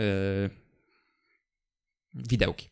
Mamy silny kopernikański astrobiologiczny limit, czyli ta bardziej e, restrykcyjna wersja. Według ich obliczeń, ja nie będę się zagłębiał, jakie to były obliczenia, bo to była bardzo ciężka matematyka, ciężki aparat matematyczny i tak dalej, ciężkie dane. Ja przejdę od razu do wyników. Minimum 36 komunikacyjnych cywilizacji we wszechświecie jest dzisiaj. Całkiem No sporo, to nie? już, y, tak, I najbliższa ale z w nich, całym, o właśnie, najbliższe z nich, najbliższa z nich będzie oddalona maksymalnie o 17 tysięcy lat świetlnych. Więc to dalej komunikacja jest niemożliwa. okej, no dobra. Eee, no niestety. Mm, I zakładam, że to równanie jest o wiele bardziej skomplikowane niż równanie Drake'a. tak, to już jest bardziej skompli- skomplikowana rzecz. Eee, I najprawdopodobniej poszukiwanie, jeżeli założymy ten silny kopernikański astrobiologiczny limit, to najprawdopodobniej poszukiwanie pozaziemskiej cywilizacji może mieć tylko i wyłącznie po- wtedy pozytywny skutek, jeśli średni czas życia cywilizacji będzie wynosił ponad 3000 lat. Wtedy komunikacja w dwie strony będzie wtedy, gdy nasza cywilizacja będzie istniała 6000 lat, no bo musimy wysłać w te, stro- w te No i odebrać. tak, Mhm. w te i z powrotem. E, czyli e, cywilizacja musi żyć co najmniej 3060 lat, żebyśmy w ogóle byli w stanie skomunikować się z kimkolwiek, kiedykolwiek. No to już jesteśmy w dwóch trzecich. Przy czym, no, Ty, to wiesz, no, w dwóch Nie. trzecich, ale, no tak prawie dwóch Tak. trzecich. ale to musimy liczyć też czasy, że e, no, nikt, Znaczy, nie, próbował, zależy- nikt nie zależy- próbował się z nami komunikować, zanim byliśmy zdolni do komunikacji. Okej, dobra. Bo może piramidy w Kairze, w Egipcie, w Gizie są... Nadajnikami. Tak, może to kosmici budowali, nie wiem, nie wiem. A nie, no bo w sumie to ja liczę czas przed czas Chrystusa. A nie liczę czasu jeszcze przed No więc y, Chrystusem. tutaj, mm, nie wiem, no musielibyśmy chyba jednak założyć, że to musi być okres, gdzie jesteśmy zdolni do komunikacji. Mhm. Więc do tego nam dużo dalej. Oho, no. E, ale drugi ten e, scenariusz, dużo lżejszy, mniej restrykcyjny, on zakłada, że mamy minimum 928 cywilizacji w kosmosie. To już całkiem sporo, nie? No już bardzo dużo. Mm, I najbliższa jest maksymalnie 3320 lat świetlnych stąd. Wcześniej było ile? Mówiłem? e, 15? Mówiłem 17 tysięcy. Okej. Tutaj według tego lżejszego scenariusza, tego bardziej pozytywnego, e, mamy odległość maksymalnie 3320 lat świetlnych. No może się okazać, że ktoś jest za rogiem, nie? Ale to jest taki ma- maksymalny promień. Mm, I te mm, pozytywne rezultaty poszukiwań będą tylko i wyłącznie wtedy, gdy przeciętna, średnia, y, średni czas życia cywilizacji będzie wynosił nieco ponad 1000 lat. Czyli jeżeli cy- cywilizacja trwa nieco ponad 1000 lat, no to najprawdopodobniej wtedy dopiero uda nam się skomunikować. No to wynika y, z tego, jak często powstają cywilizacje, mus- musimy się zsynchronizować w czasie, no i też uwzględnia to odległości, nie? Mhm. E, No czyli na taką komunikację dwustronną, no to 2000 lat. Czyli jakby Chrystus gdzieś tam wysłał sygnał, no to gdzieś teraz dostałby odpowiedź. Pomocy. Trochę tak jak czasami Adrian, Adrian do mnie pisze na Messengerze, to ja mu odpowiadam prawie, prawie w takich odległościach. Ale to No. wiem, jestem świadomy, muszę się się, poprawić. tak, muszę to się prawda. poprawić. E, A w ogóle tak minimalnie, tak naprawdę, jeżeli założyli takie minimalne scenariusze, takie najbardziej restrykcyjne, tak, no, że bardziej się nie da, że tak najmniej cywilizacji, ile się da, to 8. 8 A cywilizacji to i w tak kosmosie. coś. w A z jakiej odległości? Bo to jest w sumie W ważne. naszej galaktyce. Tutaj już nie, nie, nie pokusili się chyba Aha, o obliczanie, okej. jaki to jest promień i tak dalej. Czyli według takiego... Od 8 do 300? y, według tego pozytywnego, że minimum, y, minimum, minimum, nie chcę skłamać, minimum 928. A, od 8 do 900. No to całkiem dużo. W sensie, anyway. Minimum 900, może być więcej, nie? No tak, tak, oczywiście. Mhm. Y, No właśnie, czyli największym ograniczeniem do tego, byśmy w ogóle byli zdolni, Jesteśmy my. nawet nie my, ale to, jak długo pożyjemy. Jeżeli pożyjemy długo, to jest większa szansa na to, że, y, że się z kimś dogadamy. Y, Przy czym też, no, zakładając, że my dłużej pożyjemy, no to zakładamy też, że inni też dłużej pożyją. Bierzemy jakąś taką średnią, nie? Mhm. Że jeżeli my długo, dłużej żyjemy, no to inni też dłużej sobie pożyjemy. No właśnie, a ile lat my pożyjemy? Bo na końcu autorzy pokusili się o określenie. U. Z tych wszystkich obliczeń pokusili się o określenie, bardzo takie ostrożne, ale określenie, co z tego wynika dla nas. Ale Czy- mają wynik? W sensie, ile pożyjemy my Coś jako... mówią, że oni mówią tak, że jeżeli nie znajdziemy życia w obrębie 10 tysięcy lat świetlnych, będzie to oznaczało, że życie cywilizacji, to średnie życie cywilizacji jest dosyć krótkie. Więc jeżeli obce cywilizacje są podobne do nas, czyli to jest to takie to astrobiologiczne, kopernikańskie prawo i to Mhm. prawo jest spełnione, no to znaczy, że jeżeli nie znajdziemy w, tym, w tej promieniu 10 tysięcy lat świetnych, to znaczy, że nasza cywilizacja nie będzie już zbyt długo istnieć. I z tym pozytywnym akcentem pozostawiam was do tematu Adriana. Ulala. Y, nie, ja chciałem jeszcze dyskusję otworzyć. Tak, tak, jak najbardziej, zapraszam. Kurczę, ale to jest wszystko, co u ciebie jest, tak? Tak jest, tak jest. Dobra, ojej. E, no ta, ten news faktycznie ostatni tak trochę namieszał dla mnie. Y, Mhm. w ogóle tak pierwsze pytanie, nie? Jakie mi Mhm. się nasuwa na głowę, czy ty po czytaniu tego Mhm. jest, bo w sumie to wydaje mi się, że nasze tematy są dosyć podobne y, Okej. w, jakiś, w jakiś sposób. W sensie, czy twoim zdaniem możliwe jest, Mhm. tak, ty, co ty sądzisz, że my spotkamy jakąś cywilizację? W sensie, że będzie taki moment, myślę, że raczej nie, za- nie za naszego życia. Ale mówią, no właśnie, chciałem że zapytać, po prostu mówiąc, nawiążemy mówiąc my, z kimś kontakt. Wiesz co, e, dalej nie jesteśmy zdolni do komunikacji. Mhm. No powiedzmy sobie szczerze, to wysłanie jednej wiadomości Znaczy, gdzieś bo, na ja też nie przestrzeń... wiem, bo ja też nie wiem na jakiej zasadzie to jest. W sensie, czy to jest jakiś właśnie sygnał radiowy, czy jakieś No my promieniowanie lasera w y, kosmos, My czy... wysłaliśmy sygnał, nie jest wiadomość na te fale Messengerze. radiowe. No, te bo fale jest... radiowe, o których mówiłem, które są w stanie podróżować kosmosie, Jakby też dla nie? mnie trochę wysłanie fal radiowych jest takim pojęciem, wiesz, yy, no, w sensie, drganie pola elektromagnetycznego po prostu, nie? No Mhm. coś takiego wysyłamy w kosmos i to idzie, ale no pytanie brzmi, czy Ktoś musi przykład... stwierdzić, że hej, chcemy to odebrać. No my też ciągle nasłuchujemy eter, Ale nie? wiesz, ale czy to też nie jest kwestia, że nie wiem, jest sobie, leci sobie ta fala, Mhm. no bo to jest fala, nie? To jest jakby, no, Boże, nie, że drganie pola. Znaczy, no generalnie, nie jest jakieś tam Mhm. drganie pola, bo to Mhm. jednak jest drganie pola i na przykład i akurat na drodze tego promieniowania zatrzymała się skała. I czy to nie jest tak, że po prostu uderzy tę skałę i... Tak jak, ale wiesz co, y, to jak, y, y, kojarzysz Czy- może Gwiezdne Wojny? No, nawet, tam tego- były nawet takie mi się sceny- zdarzyło obejrzeć. Tam były takie sceny, gdzie na przykład Han Solo swoim sokołem Millennium wlatuje w pole asteroid. Mhm.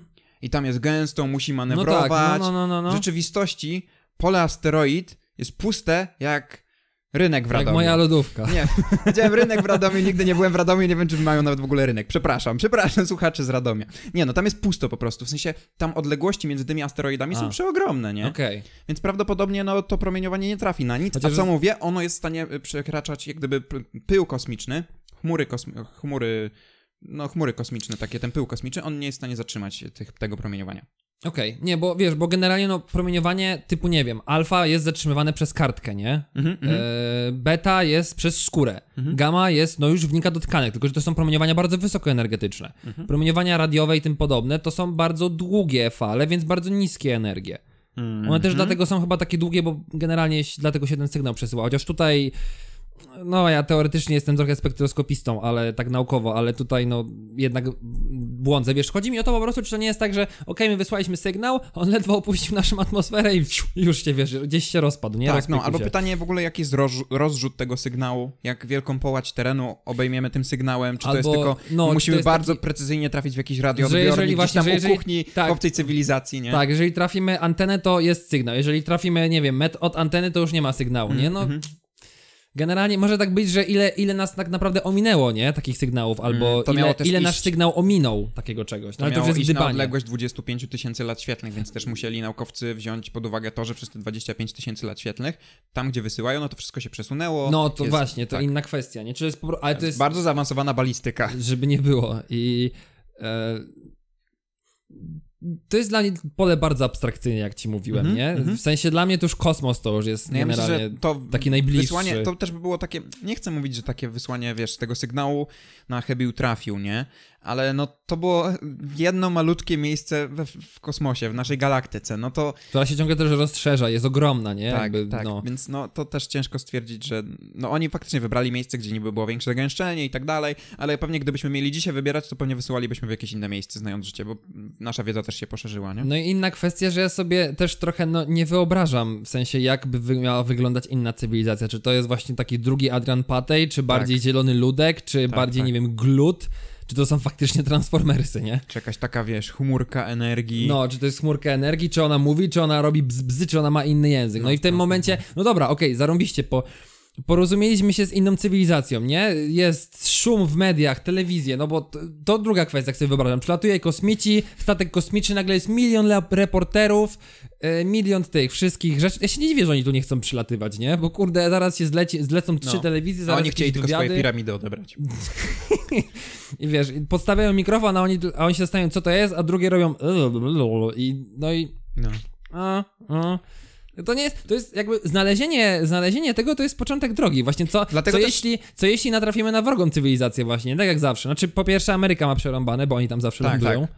Jeżeli Nowy już, Jork. to na pewno tam wylądują, no Tak, bo to na wiadomo, pewno Nowy nie? Jork na tym oberwie. No. Polska pewnie, pewnie nie, bo kto by tutaj przylatywał, stąd tylko ludzie wyjeżdżają. I ten, i nie, to jest jakby, za, za, na, wydaje mi się, że na pewno nie będzie za naszego życia. I chyba No nie, nie. chcę, żeby było za naszego życia, bo wydaje mi się, że to narobi więcej z bałaganu niż, niż Mhm. wiesz, niż jakiegoś pożytku, tak mi się wydaje, nie? Mhm, mhm. I ten, tak, no choćby ten, właśnie ten język, ta komunikacja, no to nie będzie tak, że No obcy właśnie, więc będą rozmawiać dlatego, po angielsku. Prawdopodobnie no, no uważa się, że my nie jesteśmy zdolni do komunikacji, bo my zakładamy, że będziemy się porozumiewać za pomocą fal radiowych, nie? Mhm. E, ale czy kosmici to używają? Mm. Nie wiadomo, no. No, Nie wiadomo. Dlatego też w tych czynnikach zawsze jest uwzględniane to, y, że cywilizacje są chętne do komunikacji. Nie po prostu to, że istnieją, tylko że, są chętne do komunikacji, są w stanie się komunikować, no i że jest synchronizacja w czasie, nie? mhm. No. I tyle. I tyle. No to tak mi się wydaje. No, możemy tak, tak naprawdę gadać i gdybać, Tak, nie? to- Ale to tak, tak, wniesie tak, taką tak. bezsensowną dyskusję trochę, w sensie... Tak, więc tak jak mówiłem, ja nie chciałem gdzieś tam za bardzo zbaczać, no bo gadalibyśmy sobie o kosmosie, a to jest, wiesz... No, to, to, sobie jest można, temat to kosmiczny sobie, wielki. można, to sobie można, wiesz, przy piwku wieczorem, nie? Dokładnie. Tak gdzieś Dokładnie. w pubie czy coś takiego A gadać. jak przez widzicie, tutaj piwa nie ma. Nie ma. Nie ma. Dzień Na dobry. stole przynajmniej. nie na podstęp też nie ma. Który, mam nadzieję, że kadr jest dobrze zrobiony, bo generalnie ja, ja mam podgląd na apce w telefonie Mhm. e, i jakby, no, tele, Przesunęło się trochę? E, Być może, ale chodzi mi o to, że przede że ja mam jakby telefon mi ktoś postawił na w pionie, a nagrywamy oczywiście w poziomie, Mhm. więc ja po prostu widzę ten telefon no bokiem, więc, znaczy krzywo. W sensie no nie widzę, czy jest prosto, czy nie jest prosto. Dodatkowo jeszcze autofokus świruje i oświetlenie się zmienia, kiedy Nie skupiajmy się na tym, bo może się okazało, że nam się nagranie wykrzaczyło i trzeba będzie to wycinać Racja. i na YouTube'a nie trafi żadne wideo, No. po prostu znowu... Także Nasze sorry głosy. z góry jak coś. No, mój temat, bo myślę, że możemy Słucham cię. przejść. Dobra, Patryk, zamknij oczy. To teraz unieś się nad ziemię. Unieś się wyżej. Gdzie jesteś? E, wiesz co, tak ciut nad mikrofonem. No to, no to, to nie, to wyżej zdecydowanie. Tylko w sensie siedź sobie, tak wiesz, oczami wyobraźni, nie? No, no, no. No gdzie jesteś? Ze trzy piętra wyżej. O, za, za nisko, za, wyżej, wyżej, ale tak dużo, dużo wyżej. Weź sobie, skojarz swój temat i pomyśl, gdzie możesz polecieć. I Dobra, weź sobie mój temat jestem i w pomyśl, gdzie możesz połowie- polecieć. W połowie, w połowie drogi do kosmo... do tego, e, Boże, Księżyca. No, no, no. Mijam To Księżyc, jeszcze, jeszcze dalej. mijam obce cywilizacje, No. Pomachałeś? docieram, docieram do centrum galaktyki. Gdzie jesteś? W centrum galaktyki. Nie, no dobra, na słońcu, na słońcu. Tak, super, tak brawo. jest. jest. Trochę się I, droczyłem. I co jest? Poza tym, że jest ci Ciepło, ciepło. jest, ciepło jest. Poza tym, że jest ci ciepło. E, no, jesteśmy na słońcu, bo tak naprawdę od słońca powinniśmy zacząć. Ponieważ trochę danych statystycznych. E, w ogóle wiesz, ile waży słońce? Taka ciekawostkowo, zacznijmy od tak, tak bardzo, bardzo pop, pop naukowo, bardziej A niż ularno. Chcesz odpowiedź w stylu ileś tam ton, czy może w stylu tyle, ileś Nie, ileś dobra, ziem? ja ci powiem po prostu, bo to jest za dużo. Ziem? To jest Ziemi? jeden, jeden, a ziem też możesz. A możesz powiedzieć ile ziem? Mm, to jest łatwiej. 10 tysięcy ziem. Ziemi. 330 tysięcy razy, wie, razy zie, 330 tysięcy ziem. Okej. Tyle waży okej, Słońce. okej, Czyli okej. 1 i 989 razy 10 do 30 kg. Dużo. Czyli chyba e, Jotto? Jotto i jeszcze milion. Tak mi się wydaje. J to, nie wiem, czy J to było na, na górze. Chyba tak. Nie mam I pojęcia. Nie. kwadrylion generalnie. Dobra, nieważne, nieważne, Nieważne. bo tu, tutaj już mieszam. No i samo Słońce stanowi 99,86% masy naszego układu. I tego się nie spodziewałem. Myślałem, że nasz układ jest trochę cięższy. Tylko nie wiem, czy przez układ mają na myśli planety i gwiazdy czy coś, ale generalnie z taką informacją się spotkałem, nie weryfikowałem jej. Więc no, generalnie Słońce jest duże. No tak, no układ, no czyli układ słoneczny, czyli No, nasza ale w sensie planety, ale też gwiazdy, księżyce, wszystkie i tak dalej, pewnie tak. No pewnie tak. Dobra. No, e, temperatura na Słońcu, tam wewnętrzna, w, jądru, Mhm. w jądrze na pewno wynosi 15 milionów stopni Celsjusza. Czyli jest ciepło, jak mówiłeś. Mhm. Wewnętrzne ciśnienie to 2,477 razy 10 do 11 bara. Na nasze bardziej, bo pewnie nic ci to nie mówi, 2 i też 477, ale 10 do 14 hektopaskala.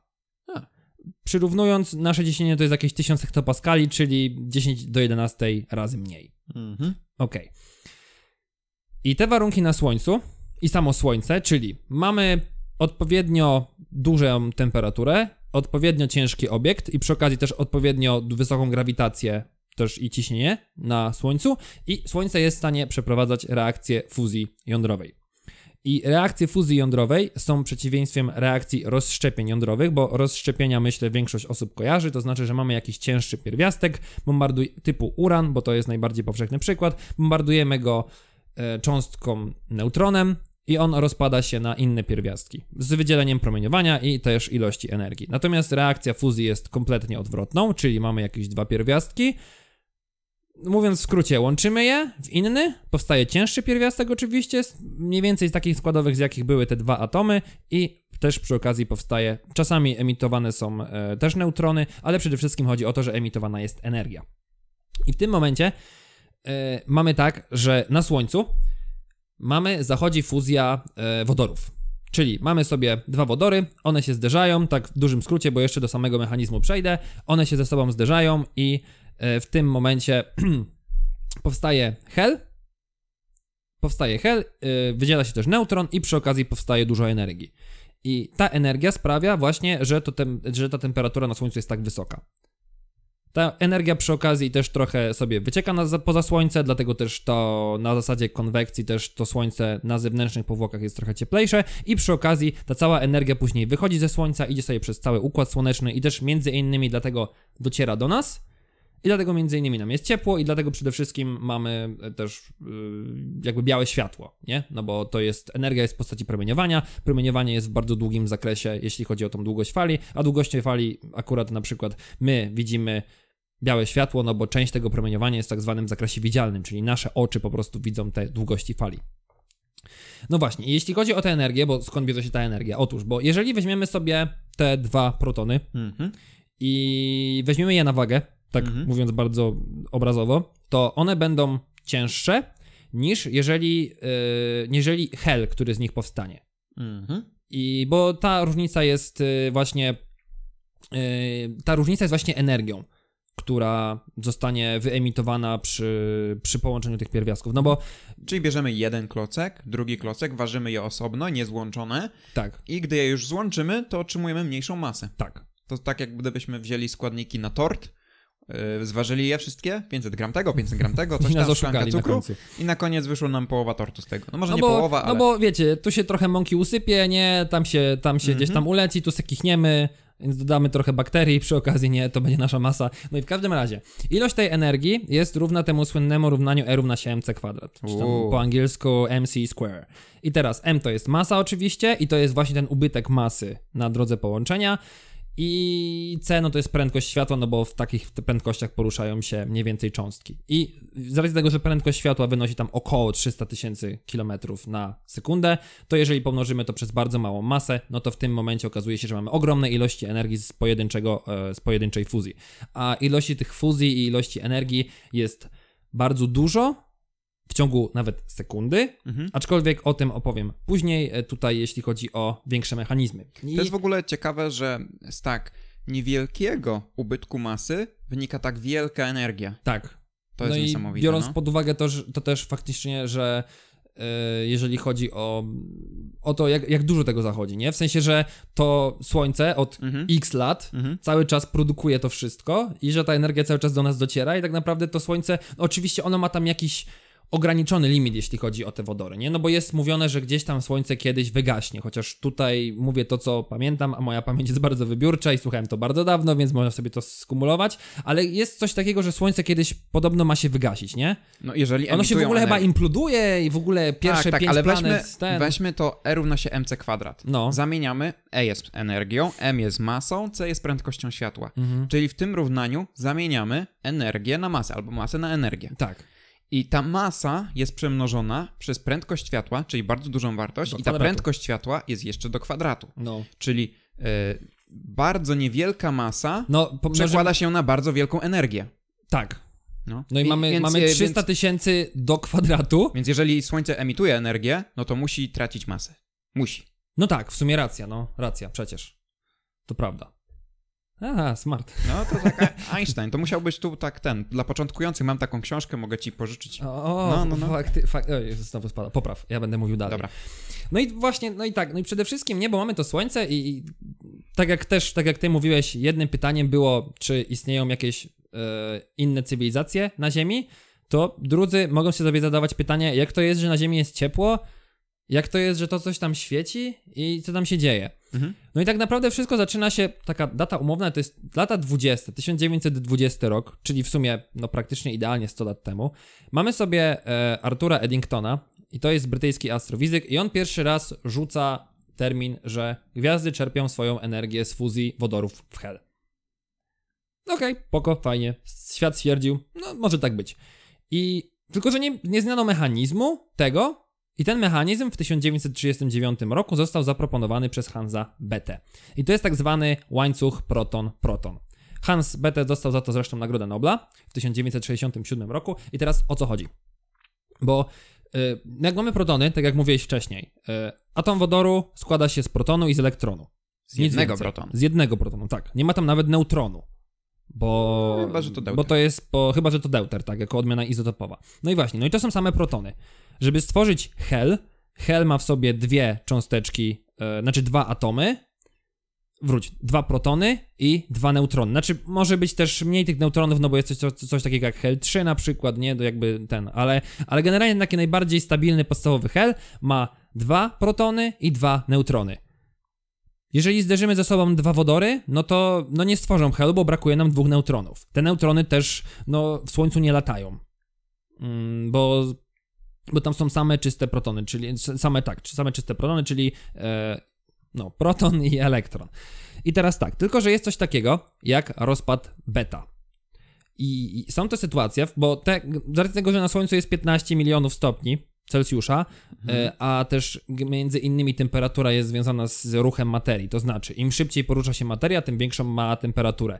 I no, jeżeli mamy 15 milionów stopni Celsjusza, to możemy się domyślić, że te wodory to tam noc sowicie sobie pędzą, żeby nie powiedzieć lepiej. E, No i generalnie też, jeżeli mamy te protony, no to one mają, proton sam z siebie ma ładunek dodatni. Tak elektrostatycznie i wokół niego krąży ten elektron. Tylko, że zgodnie też z dziedzinami, znaczy z prawami elektrostatyki, te dwa dodatnie ładunki się od siebie normalnie odpychają.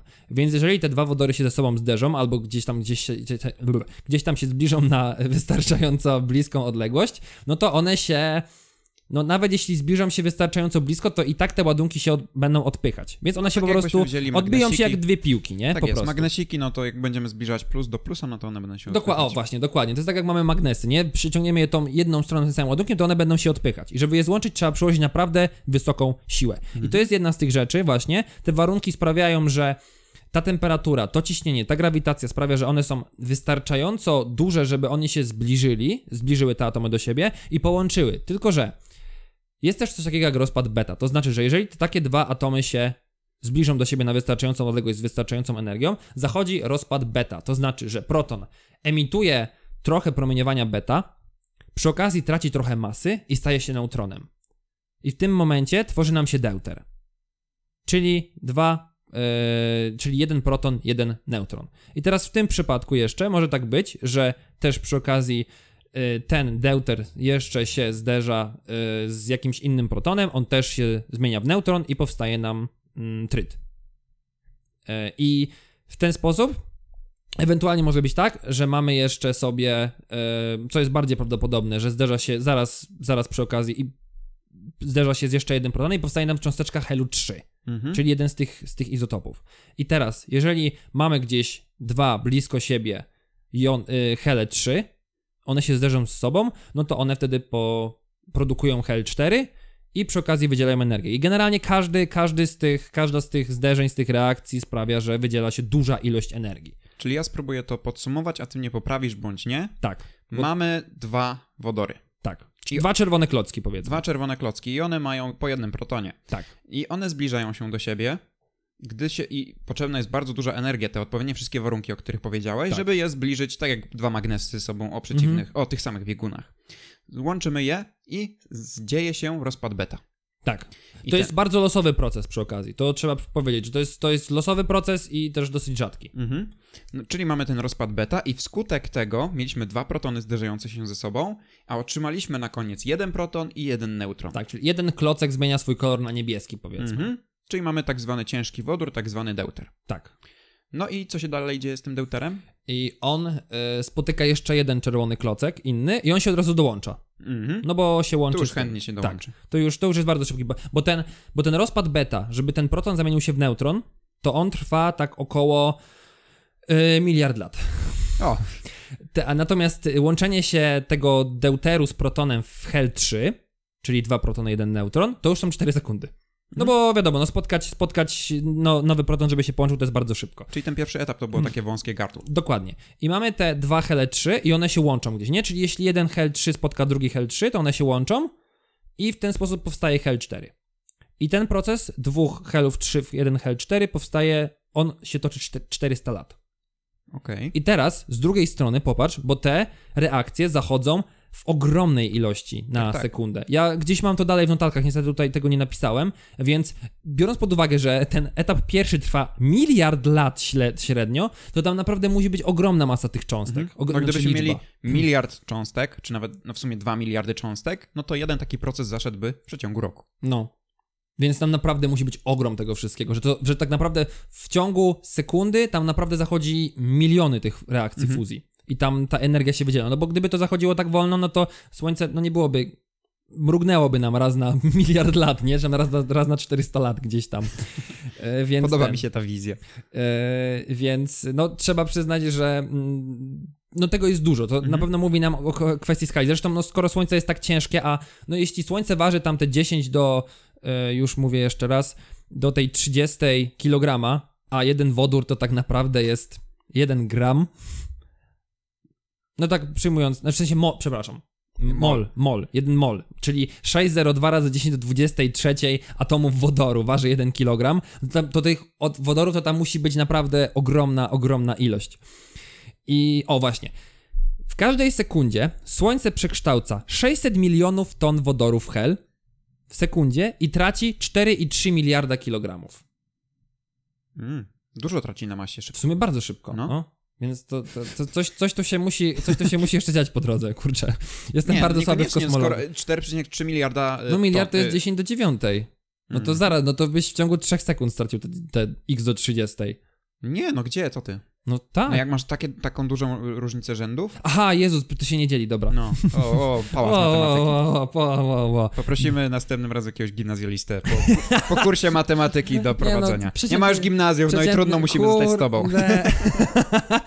Dobrze, że nie szukasz licealistów. No, E, no, i jeśli chodzi o porównanie energii, no to na tworzenie się... nie byłoby nas stać. Tworzenie się... Uuu. O, już wiesz, to już są za wysokie kompetencje. To dzisiejsi milenialsi za bardzo się cenią, No, nie? no, no, no, no.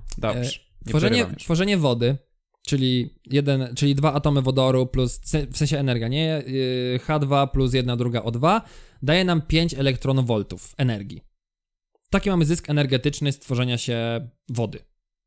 Jeśli chodzi o tworzenie się yy, helu 4, czyli deuter, czyli ten tryt, tryt, no to mamy, znaczy nie tryt, tryt, tylko deuter, deuter, no to mamy 24 mega elektronowolty. To jest 5 milionów razy więcej energii. Mhm. Więc to też, to też chciałem tutaj pokazać, żeby usmysłowić, że faktycznie jest to, jest to o wiele bardziej energetyczny proces. I przy okazji, tak jak też nawiązując jeszcze do tej energii jądrowej z samego początku, fuzja jądrowa wyzwala 4, mili, yy, 4 miliony więcej razy więcej energii niż spalanie węgla.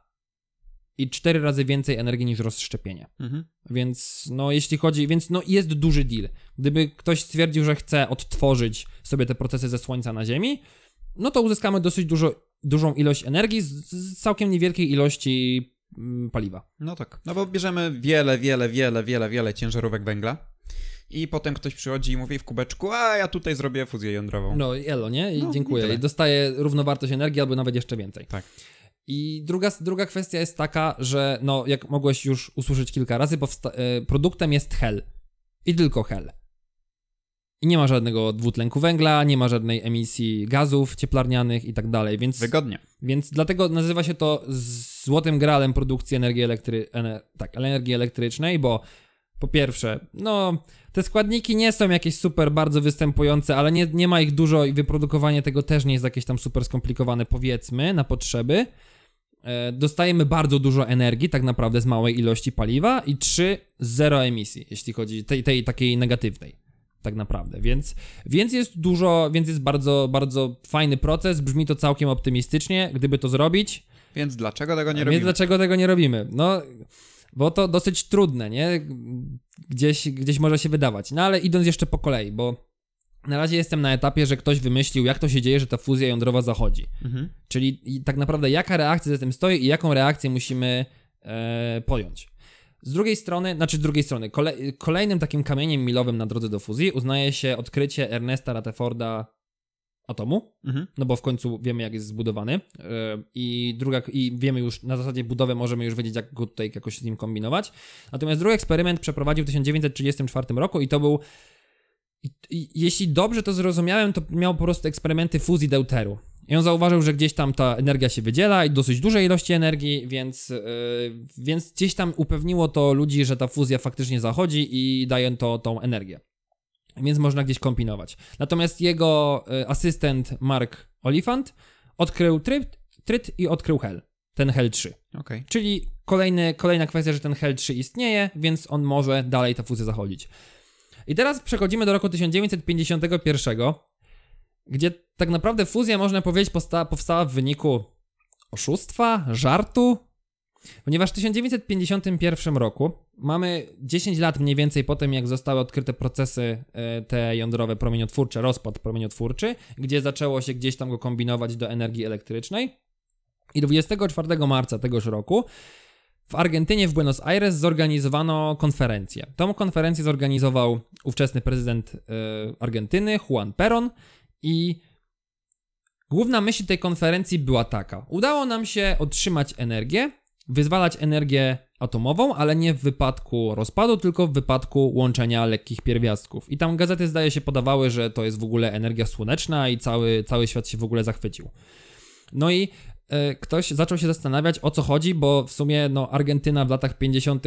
no to nie było Stany Zjednoczone albo Związek Radziecki, którzy mieli. No, w ogóle ten kraj miał 16 milionów ludzi, nie? I nie miał jakiś tam, nie był zbyt bogaty, więc jak tak przełomowa technologia mogła narodzić się w kraju, a nie kurczę w tych takich mocarstwach, które prowadziły ze sobą zimną wojnę, więc generalnie u nich wszystkie technologie były top top. No, ale okazało się, że w 1941 roku gdzieś przyjechał do Austr- e, australijski badacz Ronald Richter. I on przyjechał sobie do Argentyny i powiedział: No, dzień dobry, panie Peron, ja mam taki pomysł, ja panu zrobię energię sobie tam z fuzji jądrowej. On tam powiedział, co to jest, nie? Tam guarantee, uda się 100%. Poproszę tylko kilkadziesiąt milionów pesos. Ja zbuduję na wyspie e, Hu- Huemul, nie wiem czy to się tak czyta, ale niech będzie, Huemul. Ja zbuduję sobie e, odpowiednią aparaturę, ja wszystko zrobię, 100%, zobaczy pan, będzie pan sławny, Argentyna będzie bogata, będzie super. No i fajnie. No. Podoba mi się to podejście. E, kwota, jaką została do, zainwestowana w to Mhm. przedsięwzięcie na dzisiejsze pieniądze, to jest około 250 milionów euro. Sporo. Więc to jest bardzo pokaźna kwota. Wydaje mi się, że na, dla Argentyny Biorąc pod ówczesnej uwagę właśnie, że to Argentyna... to są lata 50. i to jest Argentyna.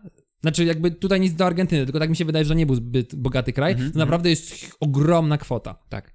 No i postawił wysoki budynek z betonu, on miał tam niby e, osłaniać ten reaktor rzekomo. No i po 10 latach Richter przychodzi, panie Peron, mamy to.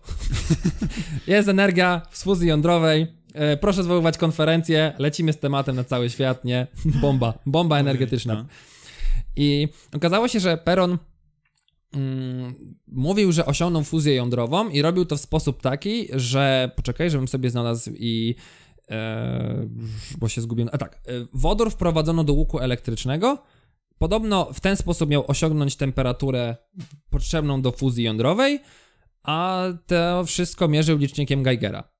Okej, aha, bo no bo mamy promieniowanie i to można badać. Tak. Nie wchodziłem w ten eksperyment niestety w detalach, Mhm. więc nie jestem w stanie wypowiedzieć się gdzieś tam ani go, ani go analizować, ani nic. E, chociaż niektórzy to robili, zaraz o tym powiem. No niemniej jednak no, na tej konferencji ludzie zaczęli się zastanawiać, no ale jak to no w Argentynie jakiś gościu przyszedł, zbudował sobie reaktor i, licznikiem Geigera stworzył fuzję jądrową. No przecież to jest jakiś kłamca, huncwot, nicpoń i w ogóle naukowy szubrawca. Domyślam się, że Szarlatan. dwa, tego dwa procesy brakowało. googlowania i można to obalić. Czyli Tak. wiesz, W temperatura... latach 50., nie? Tempera... No, tak, no dzisiaj mówię. Temperatura łuku elektrycznego i ilość energii potrzebna do fuzji. No. No. O Domyślam czym się, jeszcze że... powiem, o Aha. czym jeszcze powiem, oczywiście. E, No i oczywiście pan Richter został dosyć szybko mm, zdemaskowany, nazwijmy to, ten Ktoś naukowy... powiedział, sprawdzam. Tak, tak, ktoś powiedział, sprawdzam. I no i okazało się, że to jest oczywiście nieprawda. Zresztą pan Richter nawet trafił do więzienia e, za to, że oszukał pana Perona, no i w sumie z drugiej strony dosyć mocno pieniędzy przepalił na ten eksperyment.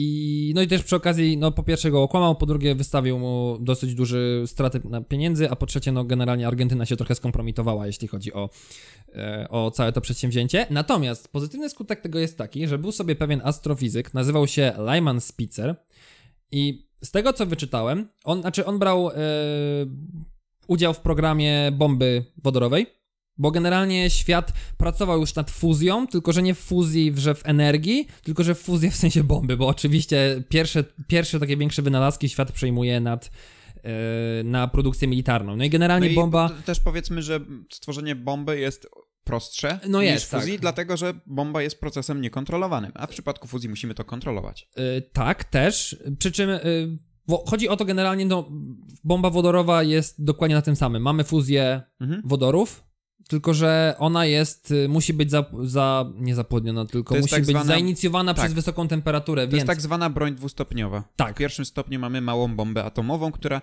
tworzy odpowiednie warunki do tego, by powstała, gdy mo- gdyby, żeby mogła powstać fuzja, e, fuzja jądrowa. tak, bo generalnie jeśli chodzi o, tą, o to odkrycie tutaj pana, pana Richtera, to to było w 1951 roku. Y, Stany Zjednoczone półtorej roku później dopiero zaprezentowały pierwszą bombę wodorową, a ZSRR zrobił to dwa lata później. Więc generalnie no, dosyć, dosyć szybko, biorąc pod uwagę e, ten rozwój tego wszystkiego. Natomiast y, wracając do pana Lajmana Spicera, otóż rzekomo y, rozmawiał on ze swoim tatą o całej tej konferencji i gdzieś tam mówi, że no słuchaj synu, bo tutaj w Argentynie jakieś tam coś tam z wodoru, energia, nie, ale okazało się, że szubrawca, że, że szarlatan, spisek i tak dalej.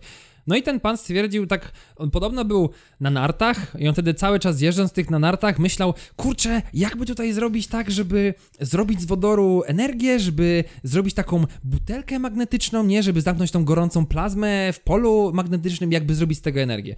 No i podobno wrócił sobie z tych nart i zaczął ten, i zaczął e, badać te procesy, w sensie. I to był taki jeden z tych przełomowych momentów, w których zaczęto faktycznie gdzieś tam nad tą fuzją jądrową się skupiać. Mhm. I wtedy zaczęto faktycznie stwarzać jakieś koncepty urządzeń i tym podobne. Natomiast jeszcze wracając do tej publikacji, otóż w 2003 roku po, wyszła kolejna publikacja, która analizowała tą publikację. No i w, taka dłuższa analiza, bo też nie przeglądałem tej publikacji niestety, y, jest, że podobno Richter robił w dużej części to, co ludzie w Stanach Zjednoczonych. Okej. Po prostu no trochę no, przeszacował swoje wyniki i hura optymistycznie stwierdził, że mu się udało, ale trop był ten sam. I też generalnie jest taki cytat, że czytając jedną linijkę trzeba pomyśleć, że jest geniuszem, czytając następną zdajemy sobie sprawę, że jest szalony. Także może był na jakimś dobrym tropie, ale no nie za bardzo dobrze to zrobił. I okej, dobra. To jest tak rys historyczny, teraz przechodzimy do czasów bardziej współczesnych, może nawet nie bardziej ba- czasów, czas, znaczy trochę czasów współczesnych, a tego, co trzeba zrobić, żeby tą fuzję jądrową na Ziemi y, zrobić.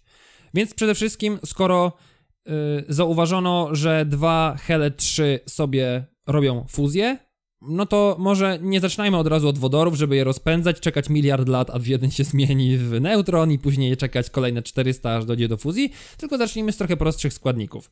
I na przykład, jeżeli weźmiemy sobie deuter i weźmiemy sobie tryt, czyli kolejno jeden wodór, jeden proton, jeden wodór, dwa protony, złączymy je ze sobą, to sumarycznie dostajemy Hel 4. A, pomyliłeś się. Jeden proton, jeden neutron, jeden proton, dwa neutrony. Tak, przepraszam. Okej, dobra. E, więc dostajemy faktycznie. E, mamy deuter, mamy tryt, dostajemy w konsekwencji Hel 4, jeden neutron i mnóstwo energii przy okazji. Okej, super, dobra. Nie ma problemu. Guarantee, zrobisz tak, masz energię. Super. Tylko, że trzeba rozpędzić, e, trzeba zrobić tę plazmę. Plazma to jest zjonizowany gaz, czyli mamy sobie ten, ten, e, ten, te deutery, mamy sobie te tryty, one sobie gdzieś tam krążą. Żeby zrobić z nich gaz, trzeba od nich odczepić elektron. Bo plazma jest zjonizowany, zjonizowanym gazem, tak naprawdę. Yy, I to wymaga ogromnych temperatur, tak jak na Słońcu było mówione, że to jest 15 milionów stopni, ale to jest przy ich ciśnieniu i przy ich grawitacji. Przy naszej ziemskiej grawitacji to wymaga około no 100, 150 milionów stopni Celsjusza, czyli no 10 razy więcej niż na Słońcu.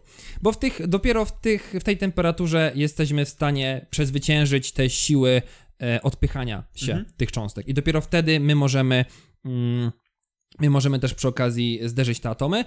Inna kwestia jest taka, że w tych warunkach plazma jest y, milion razy mniej gęsta od powietrza. Czyli, y, Czyli zajmuje dużą objętość. E, Kurczę, to jest coś w stylu, że w tym momencie y, te zderzenia są na tyle efektywne. Tak mi się wydaje, Okej, chyba. Bo okej. też, też nie wchodziłem w fizykę plazmy, no bo to jest temat bardziej fizyczny niż taki chemiczny, więc też tutaj. Może nie, że jak dziecko we, mdl- we mgle, ale jednak, y, jednak starałem się tutaj nie wchodzić za bardzo w szczegóły. No i druga kwestia, okej, dobra, mamy tę plazmę, jasne, fajnie, spoko. Mamy tylko 150 milionów stopni. Materiał chyba, który ma najwyższą temperaturę topnienia to jest wolfram i on ma chyba około 3400 stopni Celsjusza, więc zostaje tylko 14 milionów 900 tysięcy coś tam, coś tam. No może być E, problem, no. Więc może być problem. No i właśnie e, no trzeba to jakoś okiełznać. Więc wymyślono, no bo skoro to są e, lata, skoro to jest zjonizowany gaz, czyli latają po prostu tam jony, no to możemy je sterować przez pole magnetyczne. No bo pole magnetyczne jest, nie będę też wchodził, co to jest pole magnetyczne, chcę to zrobić w innym odcinku, bo mam, mam nawet pomysł na, taką, na taki inny temat związany z magnetyzmem. Mm, No to są po prostu siły oddziaływania, nie? Że, no tak jak wiecie, magnesy coś przyciągają, coś odpychają, to jest też właśnie głównie związane z właśnie z ładunkami, e, więc możemy ten gaz w środku kontrolować za pomocą właśnie magnesów. Tylko, że one muszą być oczywiście odpowiednio mocne. No i i to pole magnetyczne przy okazji też nie dość, że może sterować tymi cząstkami, w sensie, że nadawać tam tor kierunku, no to przy okazji jeszcze może być tak, że yy, może też przyspieszać te cząstki. Czyli jeżeli gdzieś tam już zdążymy tę plazmę utworzyć, w sensie zjonizować ten gaz jakimiś innymi metodami, bo to się zwykle ogrzewa w trochę inny sposób, ale też nie wchodziłem w szczegóły techniczne, no to później tą plazmą, tym polem magnetycznym możemy tę plazmę jeszcze bardziej rozpędzać, żeby tę temperaturę wysoką osiągnąć, no i żeby w ten sposób dalej już po prostu zwiększyć prawdopodobieństwo tego, że te wodory się ze sobą zderzą i wyzwolą przy okazji energię. No i mówiłem też o tym, że jednym z y, produktów reakcji poza energią i samym y, trytem jest, znaczy i helem jest jeszcze neutron. Tylko, że neutrony nie mają ładunku. One są obojętne, więc jeżeli dochodzi do fuzji, wydziela się neutron, on jest niekontrolowany przez pole i on gdzieś sobie po prostu ucieka. I w tym momencie taki neutron po prostu uderza w ścianę naszego reaktora. O samych reaktorach jeszcze opowiem. I to jest ten koncept. W sensie neutron uderzając w, w tę ścianę naszego urządzenia, tak zwanego tokamaka, o czym za chwilę, uderzając w niego, przekazuje swoją energię kinetyczną. I ona jest oczywiście zamieniana na ciepło. I teraz, jeśli chodzi o sam mechanizm tworzenia energii później, no to ten, ten nasz, ten, powiedzmy, ta nasza obudowa się nagrzewa, ona jest w jakiś sposób chłodzona, no w tym momencie to będzie woda, no i trochę tutaj analogicznie do reakcji jądrowych i do elektrowni węglowych, ta woda będzie kondensowana w parę, para później pójdzie do generatorów i w tym momencie tak naprawdę mamy taką klasyczną elektrownię. Czyli coś nam podgrzewa wodę, ta woda idzie do turbin i tak dalej, i tak dalej, tylko że w tym momencie po prostu zmienia się ta taka przyczyna, która sprawia, że ta woda się gotuje. No, tylko że to jest na razie koncept ele- elektrowni, do której jeszcze bardzo daleko, bo na razie na razie stoimy przed, e, przed tym, żeby mieć jakiś reaktor. No i właśnie, no i tak naprawdę urządzeniem, które, mm, które jest używane na obecnym koncepcie i jest najlepiej rozwinięte, to jest tokamak. Okej. I tokamak to jest rosyjski wynalazek. On jest, tokamak został wprowadzony mniej więcej w 1960 roku. Stworzyli go Rosjanie i tokamak jest rzekomo skrótem od toroidalna kamera z magnetnymi katuszkami, albo katuszkami, w sumie nie wiem jak to akcentować. Da, da. E, czyli, haraszo, e, czyli to się tłumaczy jako toroidalna komora z cewkami magnetycznymi. I teraz, uch, jakby przedstawić budowę tokamaka? Generalnie głównym takim elementem, w którym jest ta plazma, to jest komora próżniowa, która mówi się, że jest w kształcie takiego donata. Okej. Tudzież po polsku oponka. Nie wiem, czy ty, ty znasz słowo oponek? Mm, Że bo- tak się mówi na pączki, to Tak, z dziurką. Tak, tak, tak, No, tak. słyszałem. Dobra, no. okej, czyli to nie tylko tak u mnie pod Ale Krakowem się tak raczej rzadziej niż częściej. Aha, dobrze, czyli, to, czyli u, mnie, u mnie częściej, przynajmniej w rodzinie. Dobrze.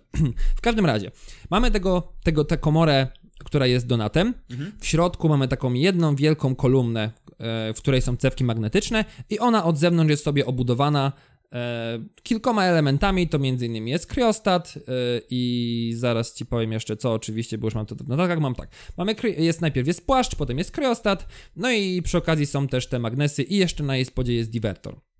O tych elementach powiem jeszcze za chwilę. I teraz taki skrócony mechanizm, jeśli chodzi o tokamak, bo mm, on od tego 1960 sz- roku został wprowadzony i on jest stopniowo ulepszany. To póki co jest najlepszy koncept, jeśli chodzi o taką maszynę, ponieważ, yy, tak jak mówiłem, w środku jest komora próżniowa, czyli wypompowujemy, wypompowujemy z niej powietrze, żeby też przy okazji, żeby tam była próżnia i tam nie było przede wszystkim zanieczyszczeń, bo każde zanieczyszczenie sprowadza się do tego, że po prostu plazma zaczyna się schładzać. Wprowadzamy gaz do środka, czyli ten deuter i tryt, zaczynamy go sobie rozpędzać, zaczynamy go jonizować. Jeżeli go jonizujemy i przy, przy okazji zaczynamy ogrzewać, no to tworzy się ta plazma. Jak tworzy się plazma i gdzieś to pole staramy się utrzymywać tymi magnesami, no to tam zachodzą sobie reakcje fuzji jądrowej, no i później wydzielają się te neutrony, które uderzają nam w ścianki w tego płaszcza, bo to się nazywa płaszcz, płaszcz się nagrzewa i tak jak mówiłem wcześniej, mamy, yy, mamy to ciepło. I teraz, jeśli chodzi o na przykład jakieś tam dane, no to o ilość tych neutronów, no to w reaktorze ITER, o którym jeszcze powiem później, na samym końcu właściwie, w ciągu jednej sekundy generuje się setki eksaliardów, czyli miliony, milia- miliardy miliardów, czyli Okej. 10 do Ładnie to 8... brzmi. Jak? Eksaliard, Exaliard. czyli wow, no. miliard miliardów.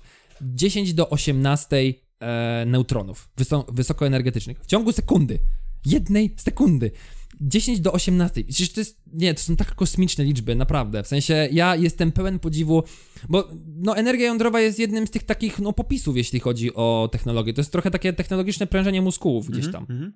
I teraz właśnie yy, przechodząc do szczegółów, jeśli chodzi o, o budowę tego tokamaka, oczywiście też jakiś nie jakiś super szczegółów, ale żeby mniej więcej sobie uświadomić jak to jest, to tak, no to mając tę komorę próżniową, no ona oczywiście jest hermetycznie zamknięta, ona jest w kształcie tego takiego donata, o tym kształcie powiem jeszcze później, dlaczego tak jest. Yy, I tam stabilizuje się ta, plaz- ta plazma. I, I teraz zależność. Im większa objętość tej komory, tym łatwiej jest zamknąć tę plazmę i osiągnąć ten, ten, osiągnąć ten reżim energetyczny, jeśli chodzi o. Czyli w sensie ilość energii, którą chcemy tam yy, uzyskać. No. Ona, ta komora jest otoczona płaszczem. Płaszcz jest zrobiony z takich pojedynczych ogniw, które są składane ze sobą. Tutaj wszystko podaje na podstawie tego reaktora ITER, czyli jednego z największych reaktorów e, fuzji jądrowej, czyli największych tokamaków obecnie na świecie. I on się akurat składa z takich e, pojedynczych ogniw. Każde ogniwo ma półtorej na metr. Można sobie to takie, jak takie klocki. e, I każdy ten klocek waży 4,6 tony. No. To tam takie tam. Takie sama, samo urządzenie waży tam naprawdę kilka, kilkadziesiąt ton, zdaje się. No i on, po pierwsze, to jest taka pierwsza ochrona przed tą taką gorącą plazmą, Mhm. żeby żeby tam się nic czasami nie stało. No i ten płaszcz przyjmuje na siebie te takie elektro, te wysokoenergetyczne neutrony. I- I on przy okazji, ta komora próżniowa, ona jest zrobiona chyba z berylu, z tego co wiem. Beryl i stal.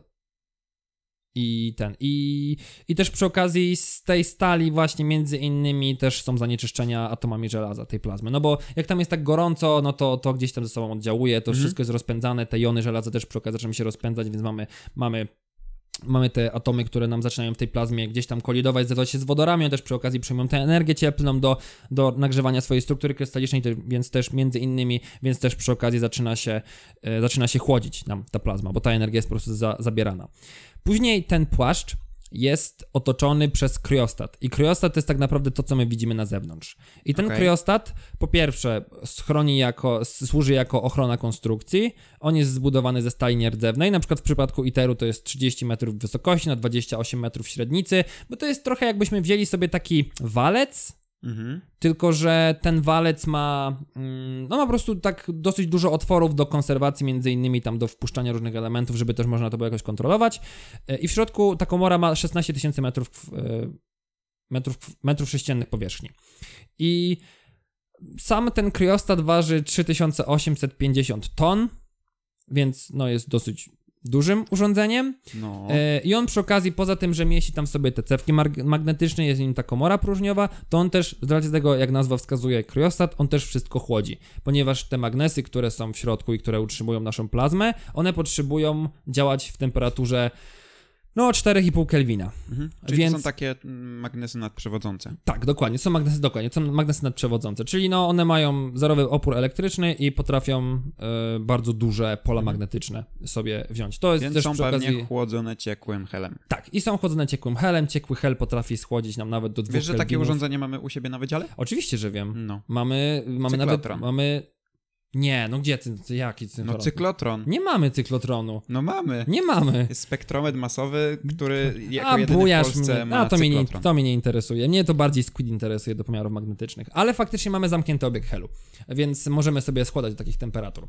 Mhm. E, Natomiast sam takie, to jest, wiesz, do, do magnesów, te 4 kelwiny, natomiast ogółem tam jest 80 kelwinów, nie? Czyli temperatura ciekłego azotu. Także to jest w ogóle ten paradoks, nie? Że z jednej strony w środku mamy 15 mili- milionów, 150 milionów stopni, znaczy w założeniu, E, Natomiast na zewnątrz mamy minus, minus prawie 3, znaczy no minus, no prawie minus 300 stopni, nie? Bo tam jest minus 270 tam 7. 7? 7, no 7, coś takiego, no. Te magnesy, tak jak mówiłem, są nadprzewodzące. Gdyby kogoś interesowało, mm, jakie to są, mm, jakie to są, Boże, pierwiastki, Mhm. to mamy tak, że mamy takie wielkie kable, takie bardzo duże, grube kable i tam są takie jeszcze mniejsze, nazwijmy to nici, tam żyłki i to są e, żyły niobowo-cynowe albo niobowo-tytanowe, one są zmieszane z miedzią, otoczone stalowym płaszczem. I generalnie w ITERze to jest, to jest tylko 100 tysięcy kilometrów takich przewodów nadprzewodzących. I one pomagają nam utrzymać tę plazmę. No i na sam koniec jest jeszcze divertor. Divertor jest na samym dole tej takiej komory próżniowej i on, e, tak jak jest zbudowany z wolframu, między innymi i stali. I tak jak mówiłem, wolfram, temperatura topnienia to jest 3422 stopnie Celsjusza. I on odprowadza yy, powstałe ciepło i popiół po reakcji fuzji, fuzji i też minimalizuje zanieczyszczenia tej plazmy, tej plazmy. I też właśnie między innymi z tego divertora atomy wolframu e, uciekają sobie do... znaczy są zanieczyszczeniami.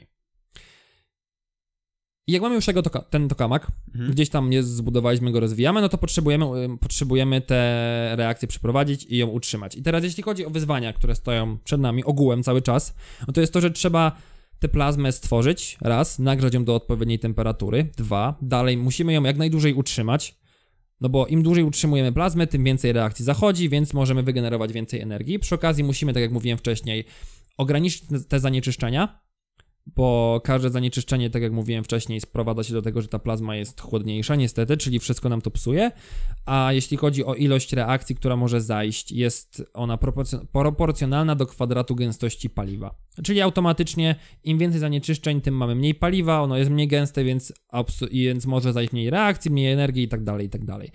I te śladowe ilości tych zanieczyszczeń mogą faktycznie bardzo mocno mm, wpłynąć na tą reakcję, jak mówiłem wcześniej. Natomiast zanieczyszczenia też są korzystne, bo na przykład specjalnie wprowadza się je na obrzeża plazmy, żeby tam zmniejszyć temperaturę i też przy okazji no chronić te wszystkie elementy, bo jednak no zbudowanie tego wszystkiego trochę kosztuje, a szkoda, żeby przy pierwszej plazmie od razu się stopiło i rozwaliło i żeby tak naprawdę wszystko poszło w piach. Trochę jak z tym, to z tą sytuacją w Argentynie. No, trochę tak. No, trudno nie wyszło. No tak, straciliśmy tylko 250 milionów euro, nie, nie ma problemu. E, I możesz się zastanawiać, dlaczego Donat, tak jak mówiłem wcześniej, Mhm. bo zanim powstał Tokamak, to, no bo tam, Tokamak powstał w 1960, w 1951 była ogłoszona ta fuzja, więc te 9 lat ludzie gdzieś tam ten, w tym okresie pracowali nad różnymi kształtami. No i na początku zaczęto od cylindra. No, czyli mamy normalną rurę, ona jest otoczona cewkami, wszystko fajnie, tam sobie biegną atom, atomy, tylko że okazało się, że na, no wiesz, na dwóch końcach były tak zwane pułapki, dziury i tamtędy te elektrony sobie uciekały. Mhm. Więc ta plazma miała ujście, to powodowało straty w energii. Ktoś stwierdził, dobra, tak nie może być, więc próbujemy dalej. Mamy układy cylindryczne, czyli no, one zostały troszeczkę ograniczone, te otwory na zewnątrz. Yy, da, Taki dalej życionowaty kształt. coś ten deseń, no. I okazało się, że te i cewki były tak ułożone, że ta plazma trochę się zawracała, ale to wciąż te, generowało te straty energii. Yy, no i mamy też. Yy, tak, znaczy nie, na, początku, tak, na początku były te, yy, były te cylindry, później były takie jakby wrzeciona, no i później były jeszcze alfa helisa, coś w ten deseń, Mhm. tylko że taka w, taki jakby w Dookoła, pierścień ułożona. No, no, no, I no. tam, I tam mamy tak, że te cząstki pędziły w tak jakby spirali do przodu też, więc one nigdzie nie uciekały, no tylko, że zbudowanie czegoś takiego było dosyć e, trudne, wyzwanie pod względem kosztowym i w ogóle tak na zdjęciu musi fajnie wyglądać taki kształt. No, Alfa bo to jest, helisa to zwinięta jest taki trochę obważanek, można by powiedzieć, tak, Tak, tak tylko, on bardzo, bardzo No, no, ogólnie. no, no, no, no, no. No więc No, zbudowanie tego z wolframu ze stali mogłoby być trochę problematyczne, a do tego jeszcze przy okazji obwinięcie to cały czas z tymi magnesami, nie? No i okazało się, że no Rosjanie, którzy wymyślili ten tak zwany toroid, to się ładnie nazywa, ale na potrzeby sytuacji możemy powiedzieć donat, żeby, żeby tutaj wszystko e, gdzieś tam bardziej przejrzyście. I od tych lat 50., 60. generalnie cały czas stosuje się to urządzenie i prowadzi się nad nim eksperymenty. No i tym takim największym wyzwaniem plazmy, to w sensie biorąc te wszystkie czynniki, które powiedziałem wcześniej w jedną całość, dąży się do tego, żeby osiągnąć tak zwany jak najwyższy współczynnik Q, gdzie ten współczynnik Q oznacza iloraz, gdzie na górze mamy ilość mocy, czy tam ilość energii, która została włożona do tego, żeby energię stworzyć. Natomiast yy, jest to podzielone przez ilość energii. Nie, wróć, stop, jeszcze raz, na odwrót. Na górze ilość energii w równaniu, którą uzyskaliśmy, i podzielić to przez ilość energii, którą włożyliśmy, żeby to, yy, tą energię uzyskać. Okej. I celem jest, żeby, no, przynajmniej ten Q równy 1. Więc tutaj już możesz się domyślić, że tego jeszcze nie uzyskaliśmy. Mhm. No najfajniej byłoby, jakby to było Q równe 10. Wtedy Okej. z 50 MW otrzymujemy 500. I takie jest założenie ITER-u, między innymi. I ogółem jakby mówi się, że taka produkcja energii elektrycznej jest już możliwa dla tego Q równe 10. W sensie to jest, to Q równe 10 Okej. jest wybrane przez koszty. Czyli w teorii już jesteśmy w stanie. W sensie, jeżeli wtedy osiągniemy Q równe 10, to będziemy w stanie tworzyć z tego energię elektryczną, bo w tym momencie rekord Q to jest 0,67. No okej, okej, okej. I on został osiągnięty przez European Tokamak Jet. e, I to jest y, w UK. I oni stworzyli 16 MW mocy, użyli do tego 24 MW mocy. Więc jest to jakiś progres, ale no wciąż za mało. Tracimy, no nie możemy uzyskać energii ener- elektrycznej w ten sposób, niestety. Natomiast jeśli chodzi o kilka rekordów, no to w 1900 do- w 1950 zaczęto gdzieś tam pracować, w 1960 wymyślono te tokamaki, Mhm. 1991 Joint European Tour e, w UK właśnie, mm, czyli ten jet pierwszy raz kontrolo- miał kon- pierwsze kontrolowane uwolnienie energii jądrowej. Znaczy tej w sensie z fuzji. Czyli pierwszy raz w ogóle jakikolwiek proces został przeprowadzony, że ta energia została uzyskana. No i to nie była bomba. I to nie była bomba, tak, to był normalny tokamak. Później mamy Torre Supra we Francji, najdłużej utrzymana plazma w czasie operacji i to jest 6,5 minuty. To jest całkiem dobry wynik, bo generalnie jak się spotykałem gdzieś tam, to o, udało nam się utrzymać plazmę przez 300 milisekund. Jej. Jej! I mamy Experimental Advanced Superconducting Tokamak w Chinach. Osiągnął najwyższą temperaturę plazmy 100 milionów stopni. Czyli jeszcze około te 50 milionów mniej niż e, jest to wymagane. Także jeszcze, jeszcze długo, długo będziemy nad tym pracować, tak mi się wydaje, Mhm. e, bo generalnie wszystkie te rekordy są stworzone przez prywatne firmy. I na przykład tutaj sprawdziłem sobie, jakie to są firmy, i na przykład top 5 takich sektorów prywatnych, które zajmują się fuzją, to mamy tak: Commonwealth Fusion w Stanach Zjednoczonych. Ich budżet, przynajmniej na stan pisania tego artykułu, no to był kwiecień 2020, to jest prawie 200 milionów dolarów. Później mamy General Fusion w Kanadzie, to jest 192 miliony dolarów. Później mamy TAE Technologies, to jest 90 milionów, First Light Fusion 23,7 miliona funtów i tu jest duża przepaść, bo było 200, prawie 290, 23 i na samym końcu jest Tokamak Energy i to jest 10 milionów funtów. E, tylko, że jak sprawdzałem ich stronę ostatnio, to dostali 67 milionów funtów dotacji tam od państwa, czy coś w ten deseń. Więc y, miałem to skonfrontować z budżetami jakiś film typu Apple albo coś w ten deseń, ale to wydaje mi się, że to jest w ogóle, wiesz, odległa Inna przyszłość. półka. Mhm. No. E, I to, to są duże pieniądze, ale wydaje mi się, że to, to i tak są bardzo małe pieniądze Mhm. na rozwój. I to są generalnie, wiem, że chyba, że Commonwealth Fusion jest chyba wsparte przez Jeffa Bezosa i później przez też Billa Gatesa, zdaje się, kapitałem. okej. To jest ta firma na szczycie. Tak. Okej. E, I Commonwealth Fusion właśnie też między innymi z MIT, czyli Massachusetts Institute of Technology, stworzyli reaktor, który nazywa się Soonest slash Smallest Pri- Private Funded Affordable Robust Compact, czyli Spark. Okej. I on ma być zbudowany w 2021 roku, jakby początek jego konstrukcji. I chcą później go zbudować w ciągu najbliższych 3-4 lat i w ten sposób uzyskać Q reaktora równe 2. O. Podobno może nawet osiągnąć Q równy 10, Mhm. ale no to są bardzo optymistyczne e, szacunki. Okej, bo już chciałem mówić, bo no, na razie jesteśmy bardzo daleko i ciągle to są takie, wiesz, jakieś optymalizacje, usprawnienia, że o, tu mamy 5% czegoś więcej, tu mamy tam 15, udało nam się, o, tu nam coś się udało zwiększyć o połowę, Mhm. ale to i tak jest strasznie daleko do tego wyznaczonego celu, nie? No, strasznie. I jak no. gdyby, wydaje mi się, że dopóki nie będzie jakiegoś takiego przełomu, takiego nowej technologii, jakiegoś game changera, no to no, no nie dojdziemy tam w ten sposób tymi kroczkami, nie? Jak gdyby można jak gdyby posuwać ten limit, że tro, tu usprawnimy, tu usprawnimy, ale w pewnym momencie już nie będzie co usprawniać, a i tak nie osiągniemy tego wyniku.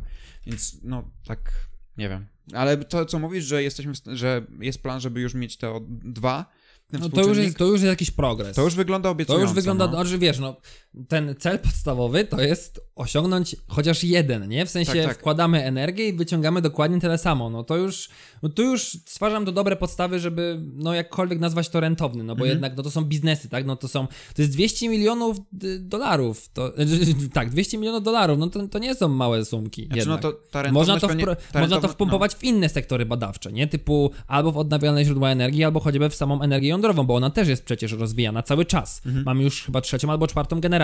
Znaczy na pewno mamy trzecią, być może mamy czwartą, albo czwarta jest dopiero pracowana, bo też nie jestem tutaj jakimś ekspertem w tym temacie.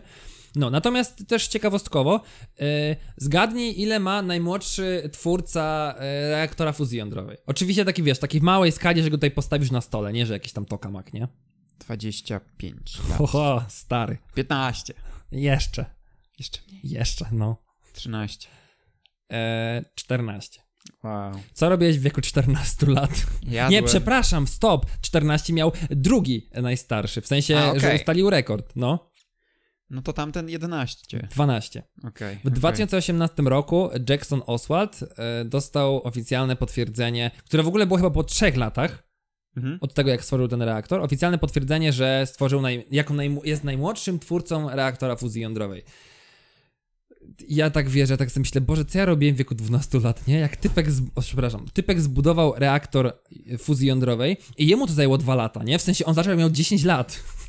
To On jak było... miał 10 lat, on czytał o fuzji jądrowej, o procesach, wiesz, w sensie o atomach. Ja nawet wtedy nie wiedziałem, co to jest atom. To było 20% jego życia w ogóle. No nie, stary. Rozumiesz? What? Ale aha...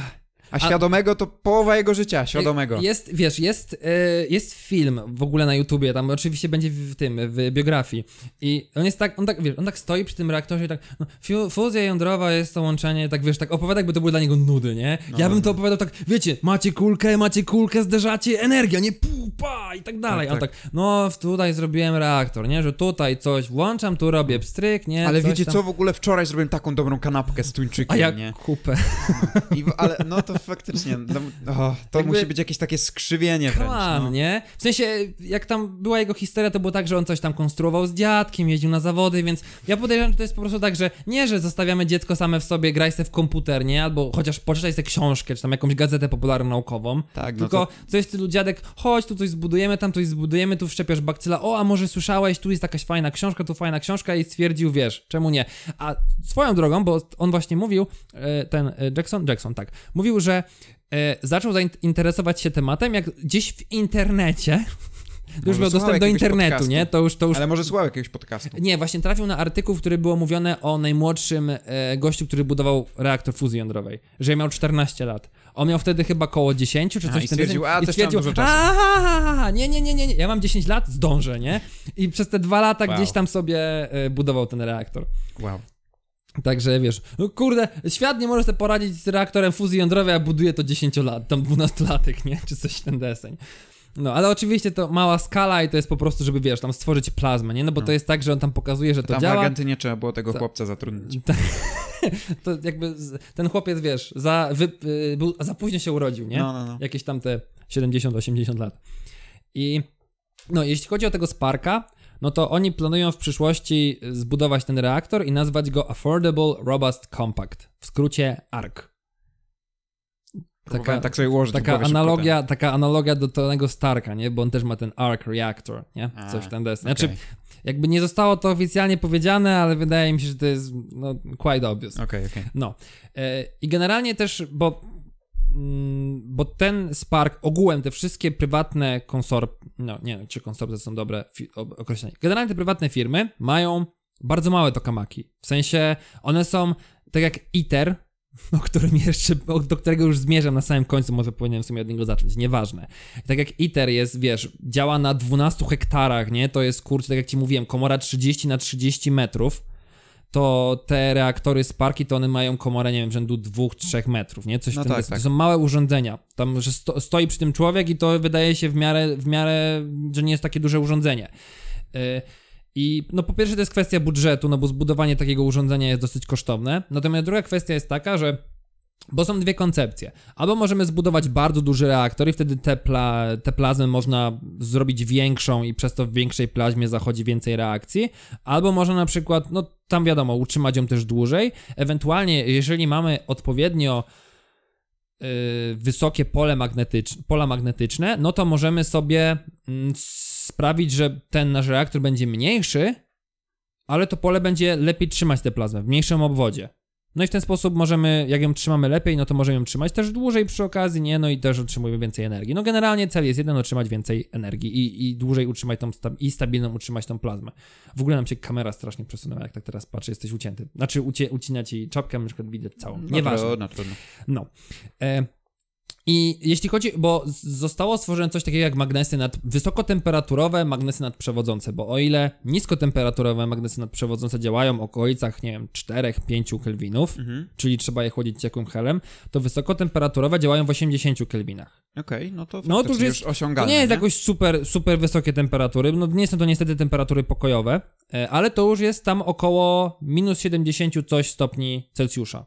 To jest temperatura ciekłego azotu. Mhm. Więc na spokojnie można dochłodzić ciekłym azotem, co drastycznie redukuje nam koszty, bo hel sam w sobie jest drogi, budowa odpowiedniej instalacji, uszczelnień, żeby ten obieg helu był cały czas, to jest, y, to też jest dosyć, dosyć duża oszczędność. Tak, Hell lubi też uciekać, często to trzeba często do... Dokładnie, no a na przykład taka butla helu, nie wiem, czy litr helu, czy ileś tam potrafi kosztować kilkadziesiąt tysięcy, nie? A jeżeli masz taką elektrownię, która ci to cały czas, cały czas, cały czas pompuje i to cały czas ucieka, no to, to, no to faktycznie jest dosyć duża oszczędność.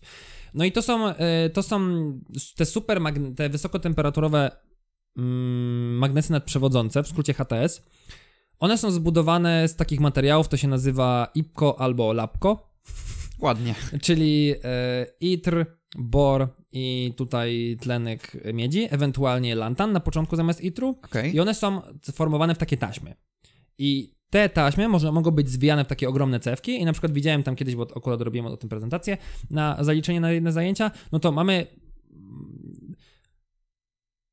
jedna taka cewka potrafiła wziąć chyba tam, daje się nawet kilometr takiej taśmy i ona potrafiła wytworzyć tam duże pola rzędu 20 Tesli. Musicie mi uwierzyć, to jest naprawdę bardzo dużo, bo w ITERze na przykład jest tylko 5 Tesli. A u nas na wydziałowym cyklotronie jest 7 Tesli. 7? No to całkiem też całkiem No, dużo. nie wiesz, że jestem cyklotron tam. No mówię ci, mamy A na wydziale cyklotron. cynklotron, Cyklotron. cyklo, cych, synch, synchrotron. Cyklotron. Cyklotron, dobra, to okej, to w cyklotron wierzę. Okej. I, I tu przechodzimy do tego, o czym tak mówiłem, mówiłem dosyć długo, czyli ITER. Fajny wstęp. E, ITER jest międzynarodową, mm, takim międzynarodowym porozumieniem, inicjatywą. Tam jest 35 krajów, w tym innymi Polska i oni mają przeprowadzić badania właśnie na ogromnie, z- ogro, na tokamaku bardzo dużej skali. No bo tak jak mówiłem wcześniej, to były prywatne firmy wcześniej, one działały na małych tokamakach, natomiast ITER ma za zadanie to, żeby ten tokam- tokamak był bardzo duży. z racji tego, że on jest duży, to też przy okazji próbują tak zrobić, żeby on był duży i też już te przyszłe fabryki, jak będą generowały to pole, te, te energię elektryczną, one też prawdopodobnie będą dużymi reaktorami. I, I też przy okazji, z racji tego, że to jest międzynarodowa inicjatywa, no to też będą po prostu, no wszyscy się składają na to hajsem. E, I to jest taki trochę jakby CERN, nie? Tylko, że dla, dla fuzji jądrowej przy okazji. I właśnie oni chcą prowadzić badania nad, badania nad procesem plazmy. Oni nie mają tam w domyśle o tworzeniu już energii elektrycznej, tylko oni chcą badać samą plazmę. To, jak ona się tam tworzy, jak uzyskać te temperatury, optymalizować te warunki, po to, żeby później stworzyć na tej podstawie już taki komercyjnie działającą komercyjnie działający reaktor fuzji jądrowej w celu tworzenia produkcji, tworzenia energii elektrycznej. I w założeniu ITER ma właśnie być tym pierwszym reaktorem, który osiągnie to Q równe 10, przynajmniej. I właśnie to Q równe 10 zostało wybrane ze względu na koszty. To znaczy, że oni policzyli jakimiś tam równaniami, że taka wielkość komory i na przykład prąd 50 MW będzie nam w stanie dać tę plazmę o 150 milionach stopni Celsjusza, która przełoży się na generację 500 MW energii. I przy okazji jeszcze ITER będzie miał tworzyć tryt. Sam z siebie. Bo generalnie, tak jak mówiłem wcześniej, to jest nasze paliwo, to jest mieszanka y, deuter tryt pół na pół i deuter na przykład otrzymujemy z wody. Na 1 metr sześcienny wody mamy 33 gramy deuteru. Niezbyt dużo, ale no to i tak, i tak e, wody morskiej jest dużo, więc tego deuteru też jest dużo automatycznie. Natomiast sam tryt uzyskujemy w reakcji e, rozpadu litu. Okay. I lit rozpada się między innymi na hel i na sam tryt. No. Tylko, że e, szacunki mówią, że tego trytu nam nie wystarczy no, w przyszłości, jeśli będziemy tam budować gdzieś tam na potęgę. Żeby tylko to z litu otrzymywać. Tak, żeby tylko to z litu, więc, a generalnie no tam sam, e, ten sam tryt też się tworzy w, w wyniku tych wszystkich zderzeń, tych mhm. reakcji jądrowych, więc... Może można by to jakoś odzyskiwać. Tak, więc, więc oni właśnie planują zrobić tak, żeby ten reaktor, ten, jak to się mówi, ładnie hodował ten tryt i żebyśmy okay. go mieli. Okay. No, więc sam ITER dwa, powstał, jako taka inicjatywa powstała w 2005 roku, że ktoś stwierdził, dobra, robimy to, w 2007 już powstało to oficjalnie Stowarzyszenie Organizacji. W 2007 do 9, czyli dwa lata zajęło przygotowywanie terenu, to są 42 hektary ziemi. Czyli wiesz, wyrównanie, oczyszczenie, bla, bla, bla. Przez 4 lata dalej, 2010-2014 y, konstruowano fundamenty i wszystkie podpory pod ten kryostat, który waży ponad 1000 ton. Niespieszna budowa. Wolna, bo to są, no możesz się domyślić, to są, no, no to jest jeden z większych osiągnięć technologii, więc trochę szkoda, żeby ktoś, wiesz, jak w coś poszło jak w tak nie? Zbudowali super budynek, po czterech latach okazało się, że siada, no i trzeba mu zrobić podpory, nie? I ten. I zaczęło się jego składanie już. Bo okay. ostatnio widziałem właśnie był film, gdzie tam zaczęli składać tę komorę, yy, znaczy ten, ten cały kryostat między innymi i to zaczęto teraz, to do 2025 roku ma być złożone i planuje się w 2021 roku uruchomić pierwszą plazmę. W 2000 którym? 25. Czyli za 5 lat. Piąty Pierwsza mamy... plazma. Poczekaj, tak. piąty, w 2025 ma być złożony. Tak. Okej, okay, a 2000, i też ma być pierwsza plazma. Tak, wtedy ma okay. być ruszone Bo pierwsze powiedziałeś w międzyczasie 2021. E, a, to przepraszam. Okej, okay, to w 2000, za, za 5 lat ten, ten, ten ITER ma być teoretycznie złożony i ma być na nim już ruszony pierwszy eksperyment z pierwszą plazmą. Okej. Okay. I od tego się zacznie. Dopiero cała droga później. E, I jak już jak już będziemy to przeprowadzać, optymalizować, zakładając szczęśliwie, że nam się uda, no to następny mamy reaktor demo. Reaktor demo, czyli Demonstration Power Plant, czyli, no, czyli taki reaktor jądrowy, który, fuzji jądrowej, który będzie służył już do produkcji samej e, energii elektrycznej. I ten reaktor demo ma być już, ma mieć Q wartości 30 do 50, czyli już no, sporo. I przy okazji ma podobno w optymistycznym wariancie produkować już sam ten tryt. Więc będzie taką w, naprawdę praktycznie w pełni samodzielną elektrownią, no, która da nam przy okazji dużo prądu. Oczywiście inne państwa też dalej i dalej prywatne sektory oczywiście, bo to dla nich konkurencja dalej pracują, tylko że no tutaj w tym przypadku wszyscy wymieniają się wiedzą, żeby jak najszybciej tę fuzję zrobić. No natomiast pierwsze takie rzeczy, daty, które ktokolwiek mówi, no to jest to, że no nie wiem, Chiny chciałyby zbudować demo do 2030 roku. Biorąc pod uwagę, że jako pierwsza osiągnęły 100 milionów stopni Celsjusza plazmy, temperaturę, no to jest to, wydaje się, ok, deal, no ale to się jeszcze zobaczy. Natomiast ogółem mówi się, że takie plany rozpoczęcia budowy no to jest 2030-40 rok, no. Może, A może uda się Chiny do tego czasu dostać. są, jak gdyby, no biorą udział w tym ITER, czy... Też. Znaczy Okej. to jest, wszystkie kraje biorą. No bo oni przy okazji, no tu ktoś coś podpatrzy do plazmy, nie? Mhm, Wszyscy, generalnie ITER ma to do siebie, że oni się dzielą wszystkimi osiągnięciami. W sensie cokolwiek, no bo to jest inicjatywa międzynarodowa, więc w ogóle jak się wchodzi na ich stronę, to naprawdę jest bardzo dużo rzeczy naukowo opisanych i też dostęp do publikacji, no oni są po prostu otwarci w tym, nie? Jasne, no nie ma jasne. się co dziwić, nie? Jeżeli jakieś państwo no, wkłada w to pieniądze i w te badania, no to też fajnie byłoby dostać z tego jakieś publikacje. I no trochę szkoda, że faktycznie prywatny sektor może to brać, nie? No bo to też w sumie za inne pieniądze się działa, ale z drugiej strony, skoro nam to przyniesie czystość energii, bo generalnie to jest jeden nadrzędny cel. Wiadomo, kwestie ekonomiczne są, no bo zbudować sobie elektrownię ciągnąć na tym hajs, no to jest jedna kwestia, ale druga kwestia jest taka, że tak naprawdę nie mamy innej, dobrej alternatywy do produkcji energii. I tak naprawdę mam jeszcze jedną kwestię, którą chciałem poruszyć, bo oczywiście są jeszcze inne koncepcje, jeśli chodzi o tworzenie plazmy i na przykład robi się to z laserów. W Okej. sensie ma się jakieś tam paliwo, taką powiedzmy małą cząsteczkę tego paliwa i strzela się w nim laserami. Typu w tym momencie to jest 192 najmocniejsze la- lasery, jakie mamy. Po prostu robimy w, jedną, w jednym, jednej sekundzie robimy bum i to ma podobno zainicjować zapłon. Tylko, że no to podobno nie działa jeszcze. I tak jeszcze, i to, tego, to, to, to, to już w ogóle jeszcze dalej, więc na tym się nie skupiłem. Tylko wiem, że to jest, Okej. i że to pracuje się nad tym. Gdzieś właśnie oglądałem film, to jest coś w stylu, że e, firmy zajmujące się fuzją robią tak, no dajcie nam 100 milionów, damy wam plazmę.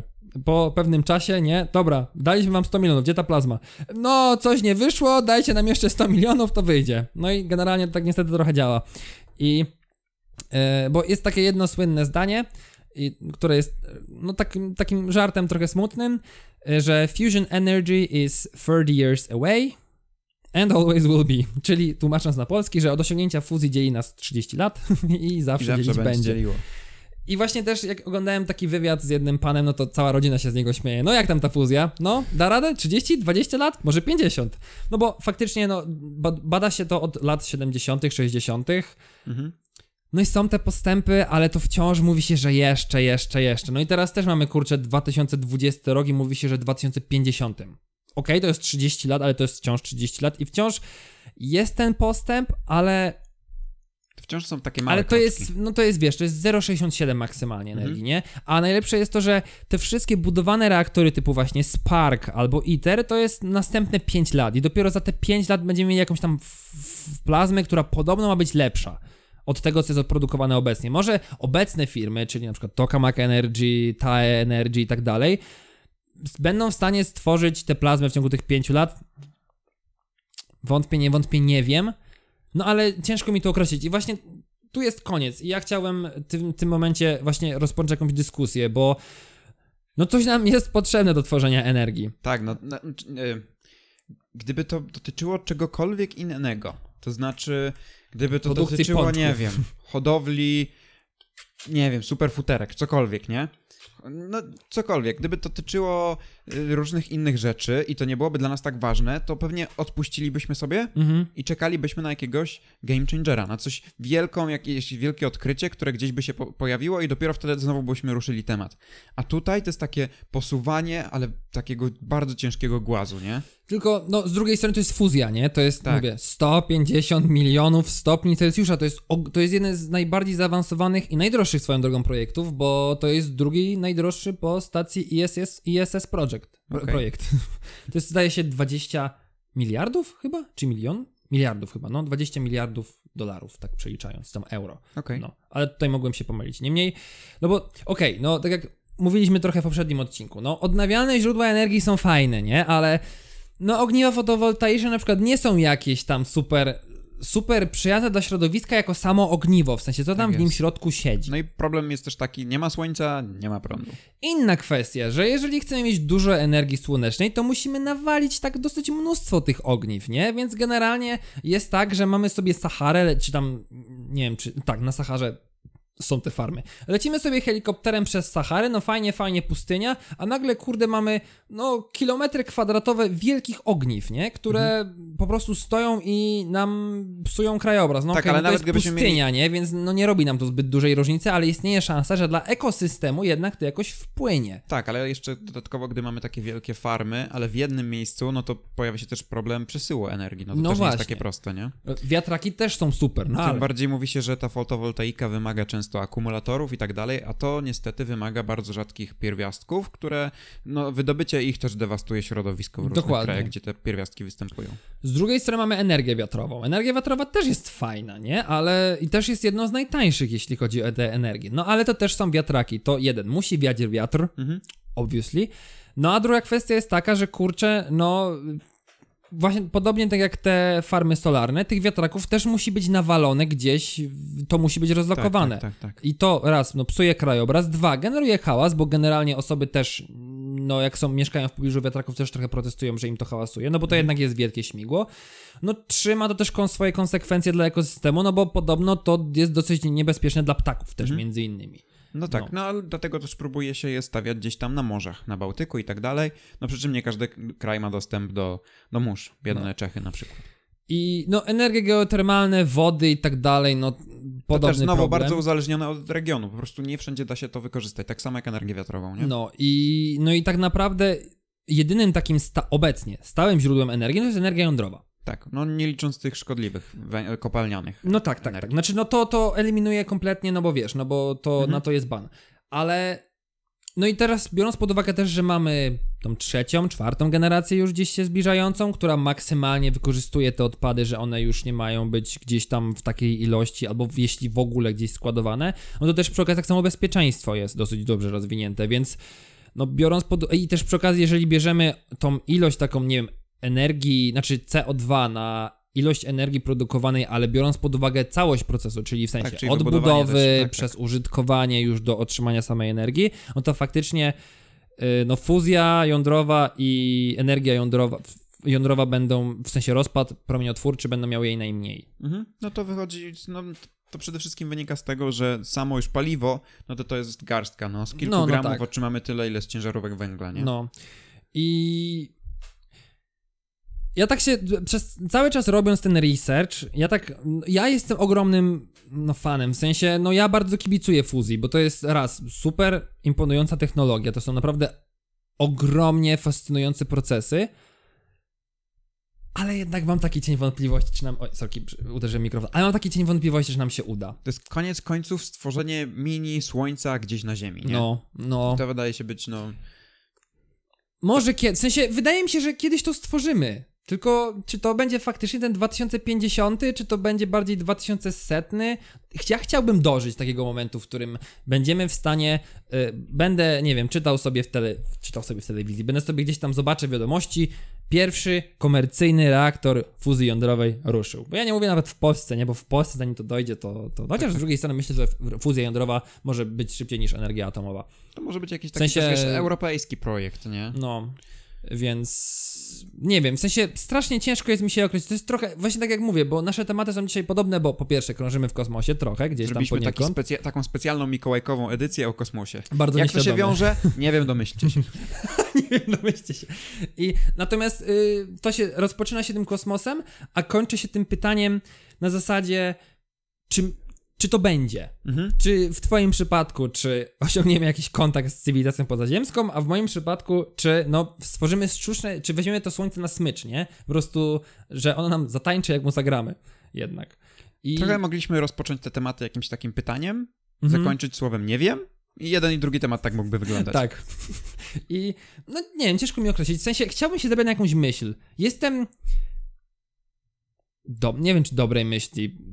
Nie wiem, po prostu nie wiem. Tak chciałbym, bardzo bym chciał, oczywiście, nie? Bo to jest super deal i szkoda mi też trochę tych naukowców, którzy tak pracują, pracują. Też, też trochę zastanawiam się, na czym polega ta ich codzienna praca. W sensie, jak oni, wiesz, działają, nie? Żeby tam No, coś też sprawdzić. Typu, ciekawe. nie wiem, no dzisiaj, dzisiaj przesuniemy tę wajchę o 1 mm do przodu albo 1 mm do, do tyłu, nie? A To, to, to W akurat sensie, mega jak ciekawe się, pytanie Jak zadałeś, się no. optymalizuje ten proces? Jak oni pracują na co dzień? Co oni badają, nie? Tak, faktycznie. że- Jak wygląda dzień, tak, dzień na co dzień? Przychodzę do pracy, no i słuchaj, kochanie, dzisiaj zrobiłem, przesunąłem wajchę tutaj, tak? Stwierdziłem, że może tutaj podniosę o 2 stopnie energię, coś tam, może jakiś nowy stop przeczytałem, że mają nowy stop metalu i mogę zrobić coś tam.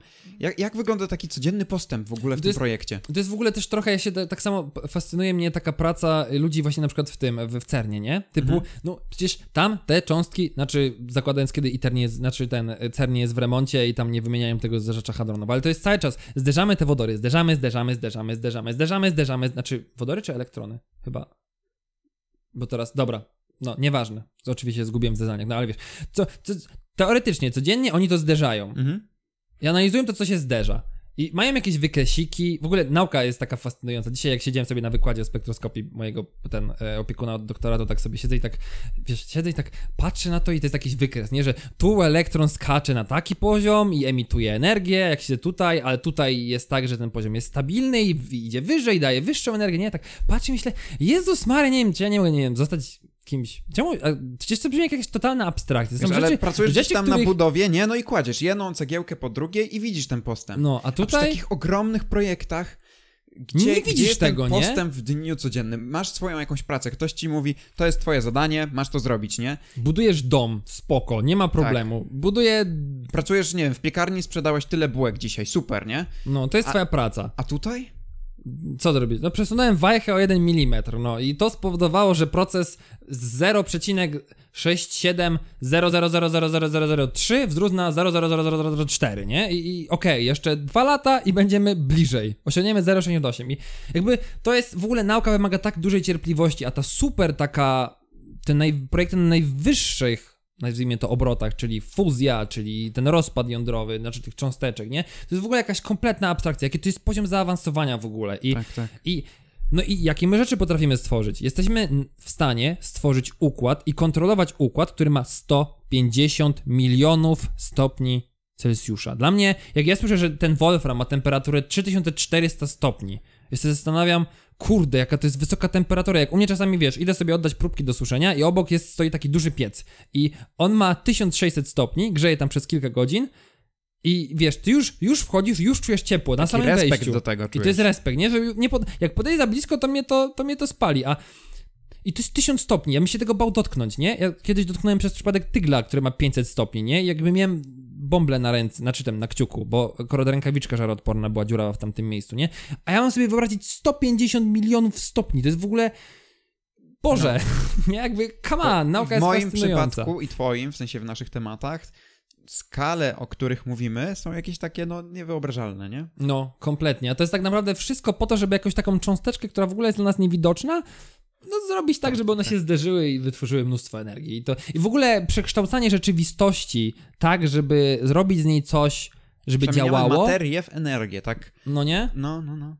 Typu ktoś sobie wy- wykombinował, dalej idąc, nie? Że okej, dobra, no widzę, że tutaj mamy sobie dwa poziomy energetyczne i akurat jak mamy sobie siecić na sobie na to światło, no to ten elektron sobie gdzieś tam przeskakuje i na przykład albo emituje jakieś światło, albo wytwarza ciepło, albo coś w ten deseń. Hmm, to ja zrobię to tak, że wystawię to sobie na słońce i to y, zaabsorbuje mi tę energię słońca i ono, ten foton, nie? Czyli no powiedzmy tę kulkę o jakiejś tam energii, y, podzieli na dwie mniejsze kulki o mniejszej energii, tylko że to jest akurat taki zakres promieniowania, że to będzie ciepło, no i w tym momencie ogrzeje sobie wodę. No, Co, co, co, dzień jak co dzień. o czym my tutaj w ogóle mówimy, nie? Jakby, Dzień jak co dzień. dla mnie, kurde, wow, jak czasami się tak, mam taką dłuższą rozkminę, co sobie ludzie potrafią robić i jak sobie myślę, w sensie taki proces, nie? Jak z kawałka kamienia dostać laptopa albo mikrofon, który mam przed sobą. Oczywiście to jest spore uproszczenie, nie? Ale przez kawałek kamienia mam na myśli rudę. Wow, po prostu wow, nie? I tam są chipy, które też są wielkości tych nanometrycznych. Przecież sam procesor, jaki to jest skomplikowany układ, który jest też efektem wielu lat badań. No. Yes. A potem człowiek bierze tego laptopa i odpala memy o kotach. tak, masz jeden z najbardziej... To jest zderzenie, wiesz, pracy, pokoleń naukowców, inżynierów, wielkich głów, Mhm. po to, by, nie wiem, puścić sobie podcast do posłuchania. I myślę, że z tą myślą Smart. możemy was pozostawić. Tak. E, życzymy wam... E, Wesołych Mikołajek. Wesołych Jeśli słuchacie Mikołajek. tego w Mikołajki, nie? Bo Właśnie. teraz ktoś to odpali, kurczę, w środę, albo na przykład, nie wiem, w kwietniu, czy tam w maju, zobaczy to wideo w czapkach Mikołaja i wszystkie, wiesz, cały czar pryśnie, nie? Później mi lampki choinkowe tak jest, ale to była... E, no, chciałem powiedzieć świąteczna edycja, ale nie, mikołajkowa edycja. Tak, Mikołajkowe. naszego Nie, na święta ja podcastu. nie chcę nic zrobić na święta, proszę cię. nie, nie. Myśmy tyle te kamery ustawiali, Boże, jeszcze pewnie jest źle. Dobrze, Adrianie, bo przedłużamy, Tak. myślę. Dobrze. W tym momencie możemy podziękować za, jeżeli ktoś do, tutaj dotarł. Yy, No i po prostu pożegnać się. Zanim jeszcze, jeszcze zanim. Okej, okej, Jeśli słucham cię. chcecie coś dodać, skomentować, poprawić nas, nie wiem, może powiedzieć, że ładnie wyglądamy czy coś, bo istnieje szansa, że ktoś nas nie widział. Tak, Wiesz, ja mam taki scenariusz w głowie, że ktoś myśli, ja dobra, ja wideo mają, włączam, nie? I tak, a, to oni. Ale A, tak, i tak, tak, Patryk, a to ten przystojniejszy. Mm, okej. Nie Spoko. widać. tak, spoko. I no, dobrze. więc możecie dać znać, czy wam się podoba forma wideo, czy chcielibyście jeszcze to kiedyś, bo no Tak, póki czy co nie będziemy, utrzymać, no? nie będziemy ukrywać, że to jest póki co wersja eksperymentalna, bo ja już sobie współczuję montażu tego i mój komputer jak będzie sobie to renderował, e, bo to będą e, no gigabajty. I no i przede wszystkim skomentować tematy, podzielić się jakąś refleksją, poprawić nas ewentualnie, jeżeli, jeżeli gdzieś popełniliśmy błąd, bo mówiliśmy o ciężkich tematach i trochę związanych niekoniecznie z naszymi dziedzinami, to zapraszamy do komentarzy na YouTubie, do wiadomości na fanpage'ach, Facebook, podcast chemiczny, Twitter, małpa do maila na kontka, kontakt.chemiczny małpa gmail.com. Dokładnie. I do ocen, subskrypcji, no i ogółem dzielcie się, dzielcie się naszym podcastem. Tym razem nie tylko do usłyszenia, ale do zobaczenia, Zobaczenia. kiedyś tam. Cześć na razie. Papa, pa, ciao, ciao.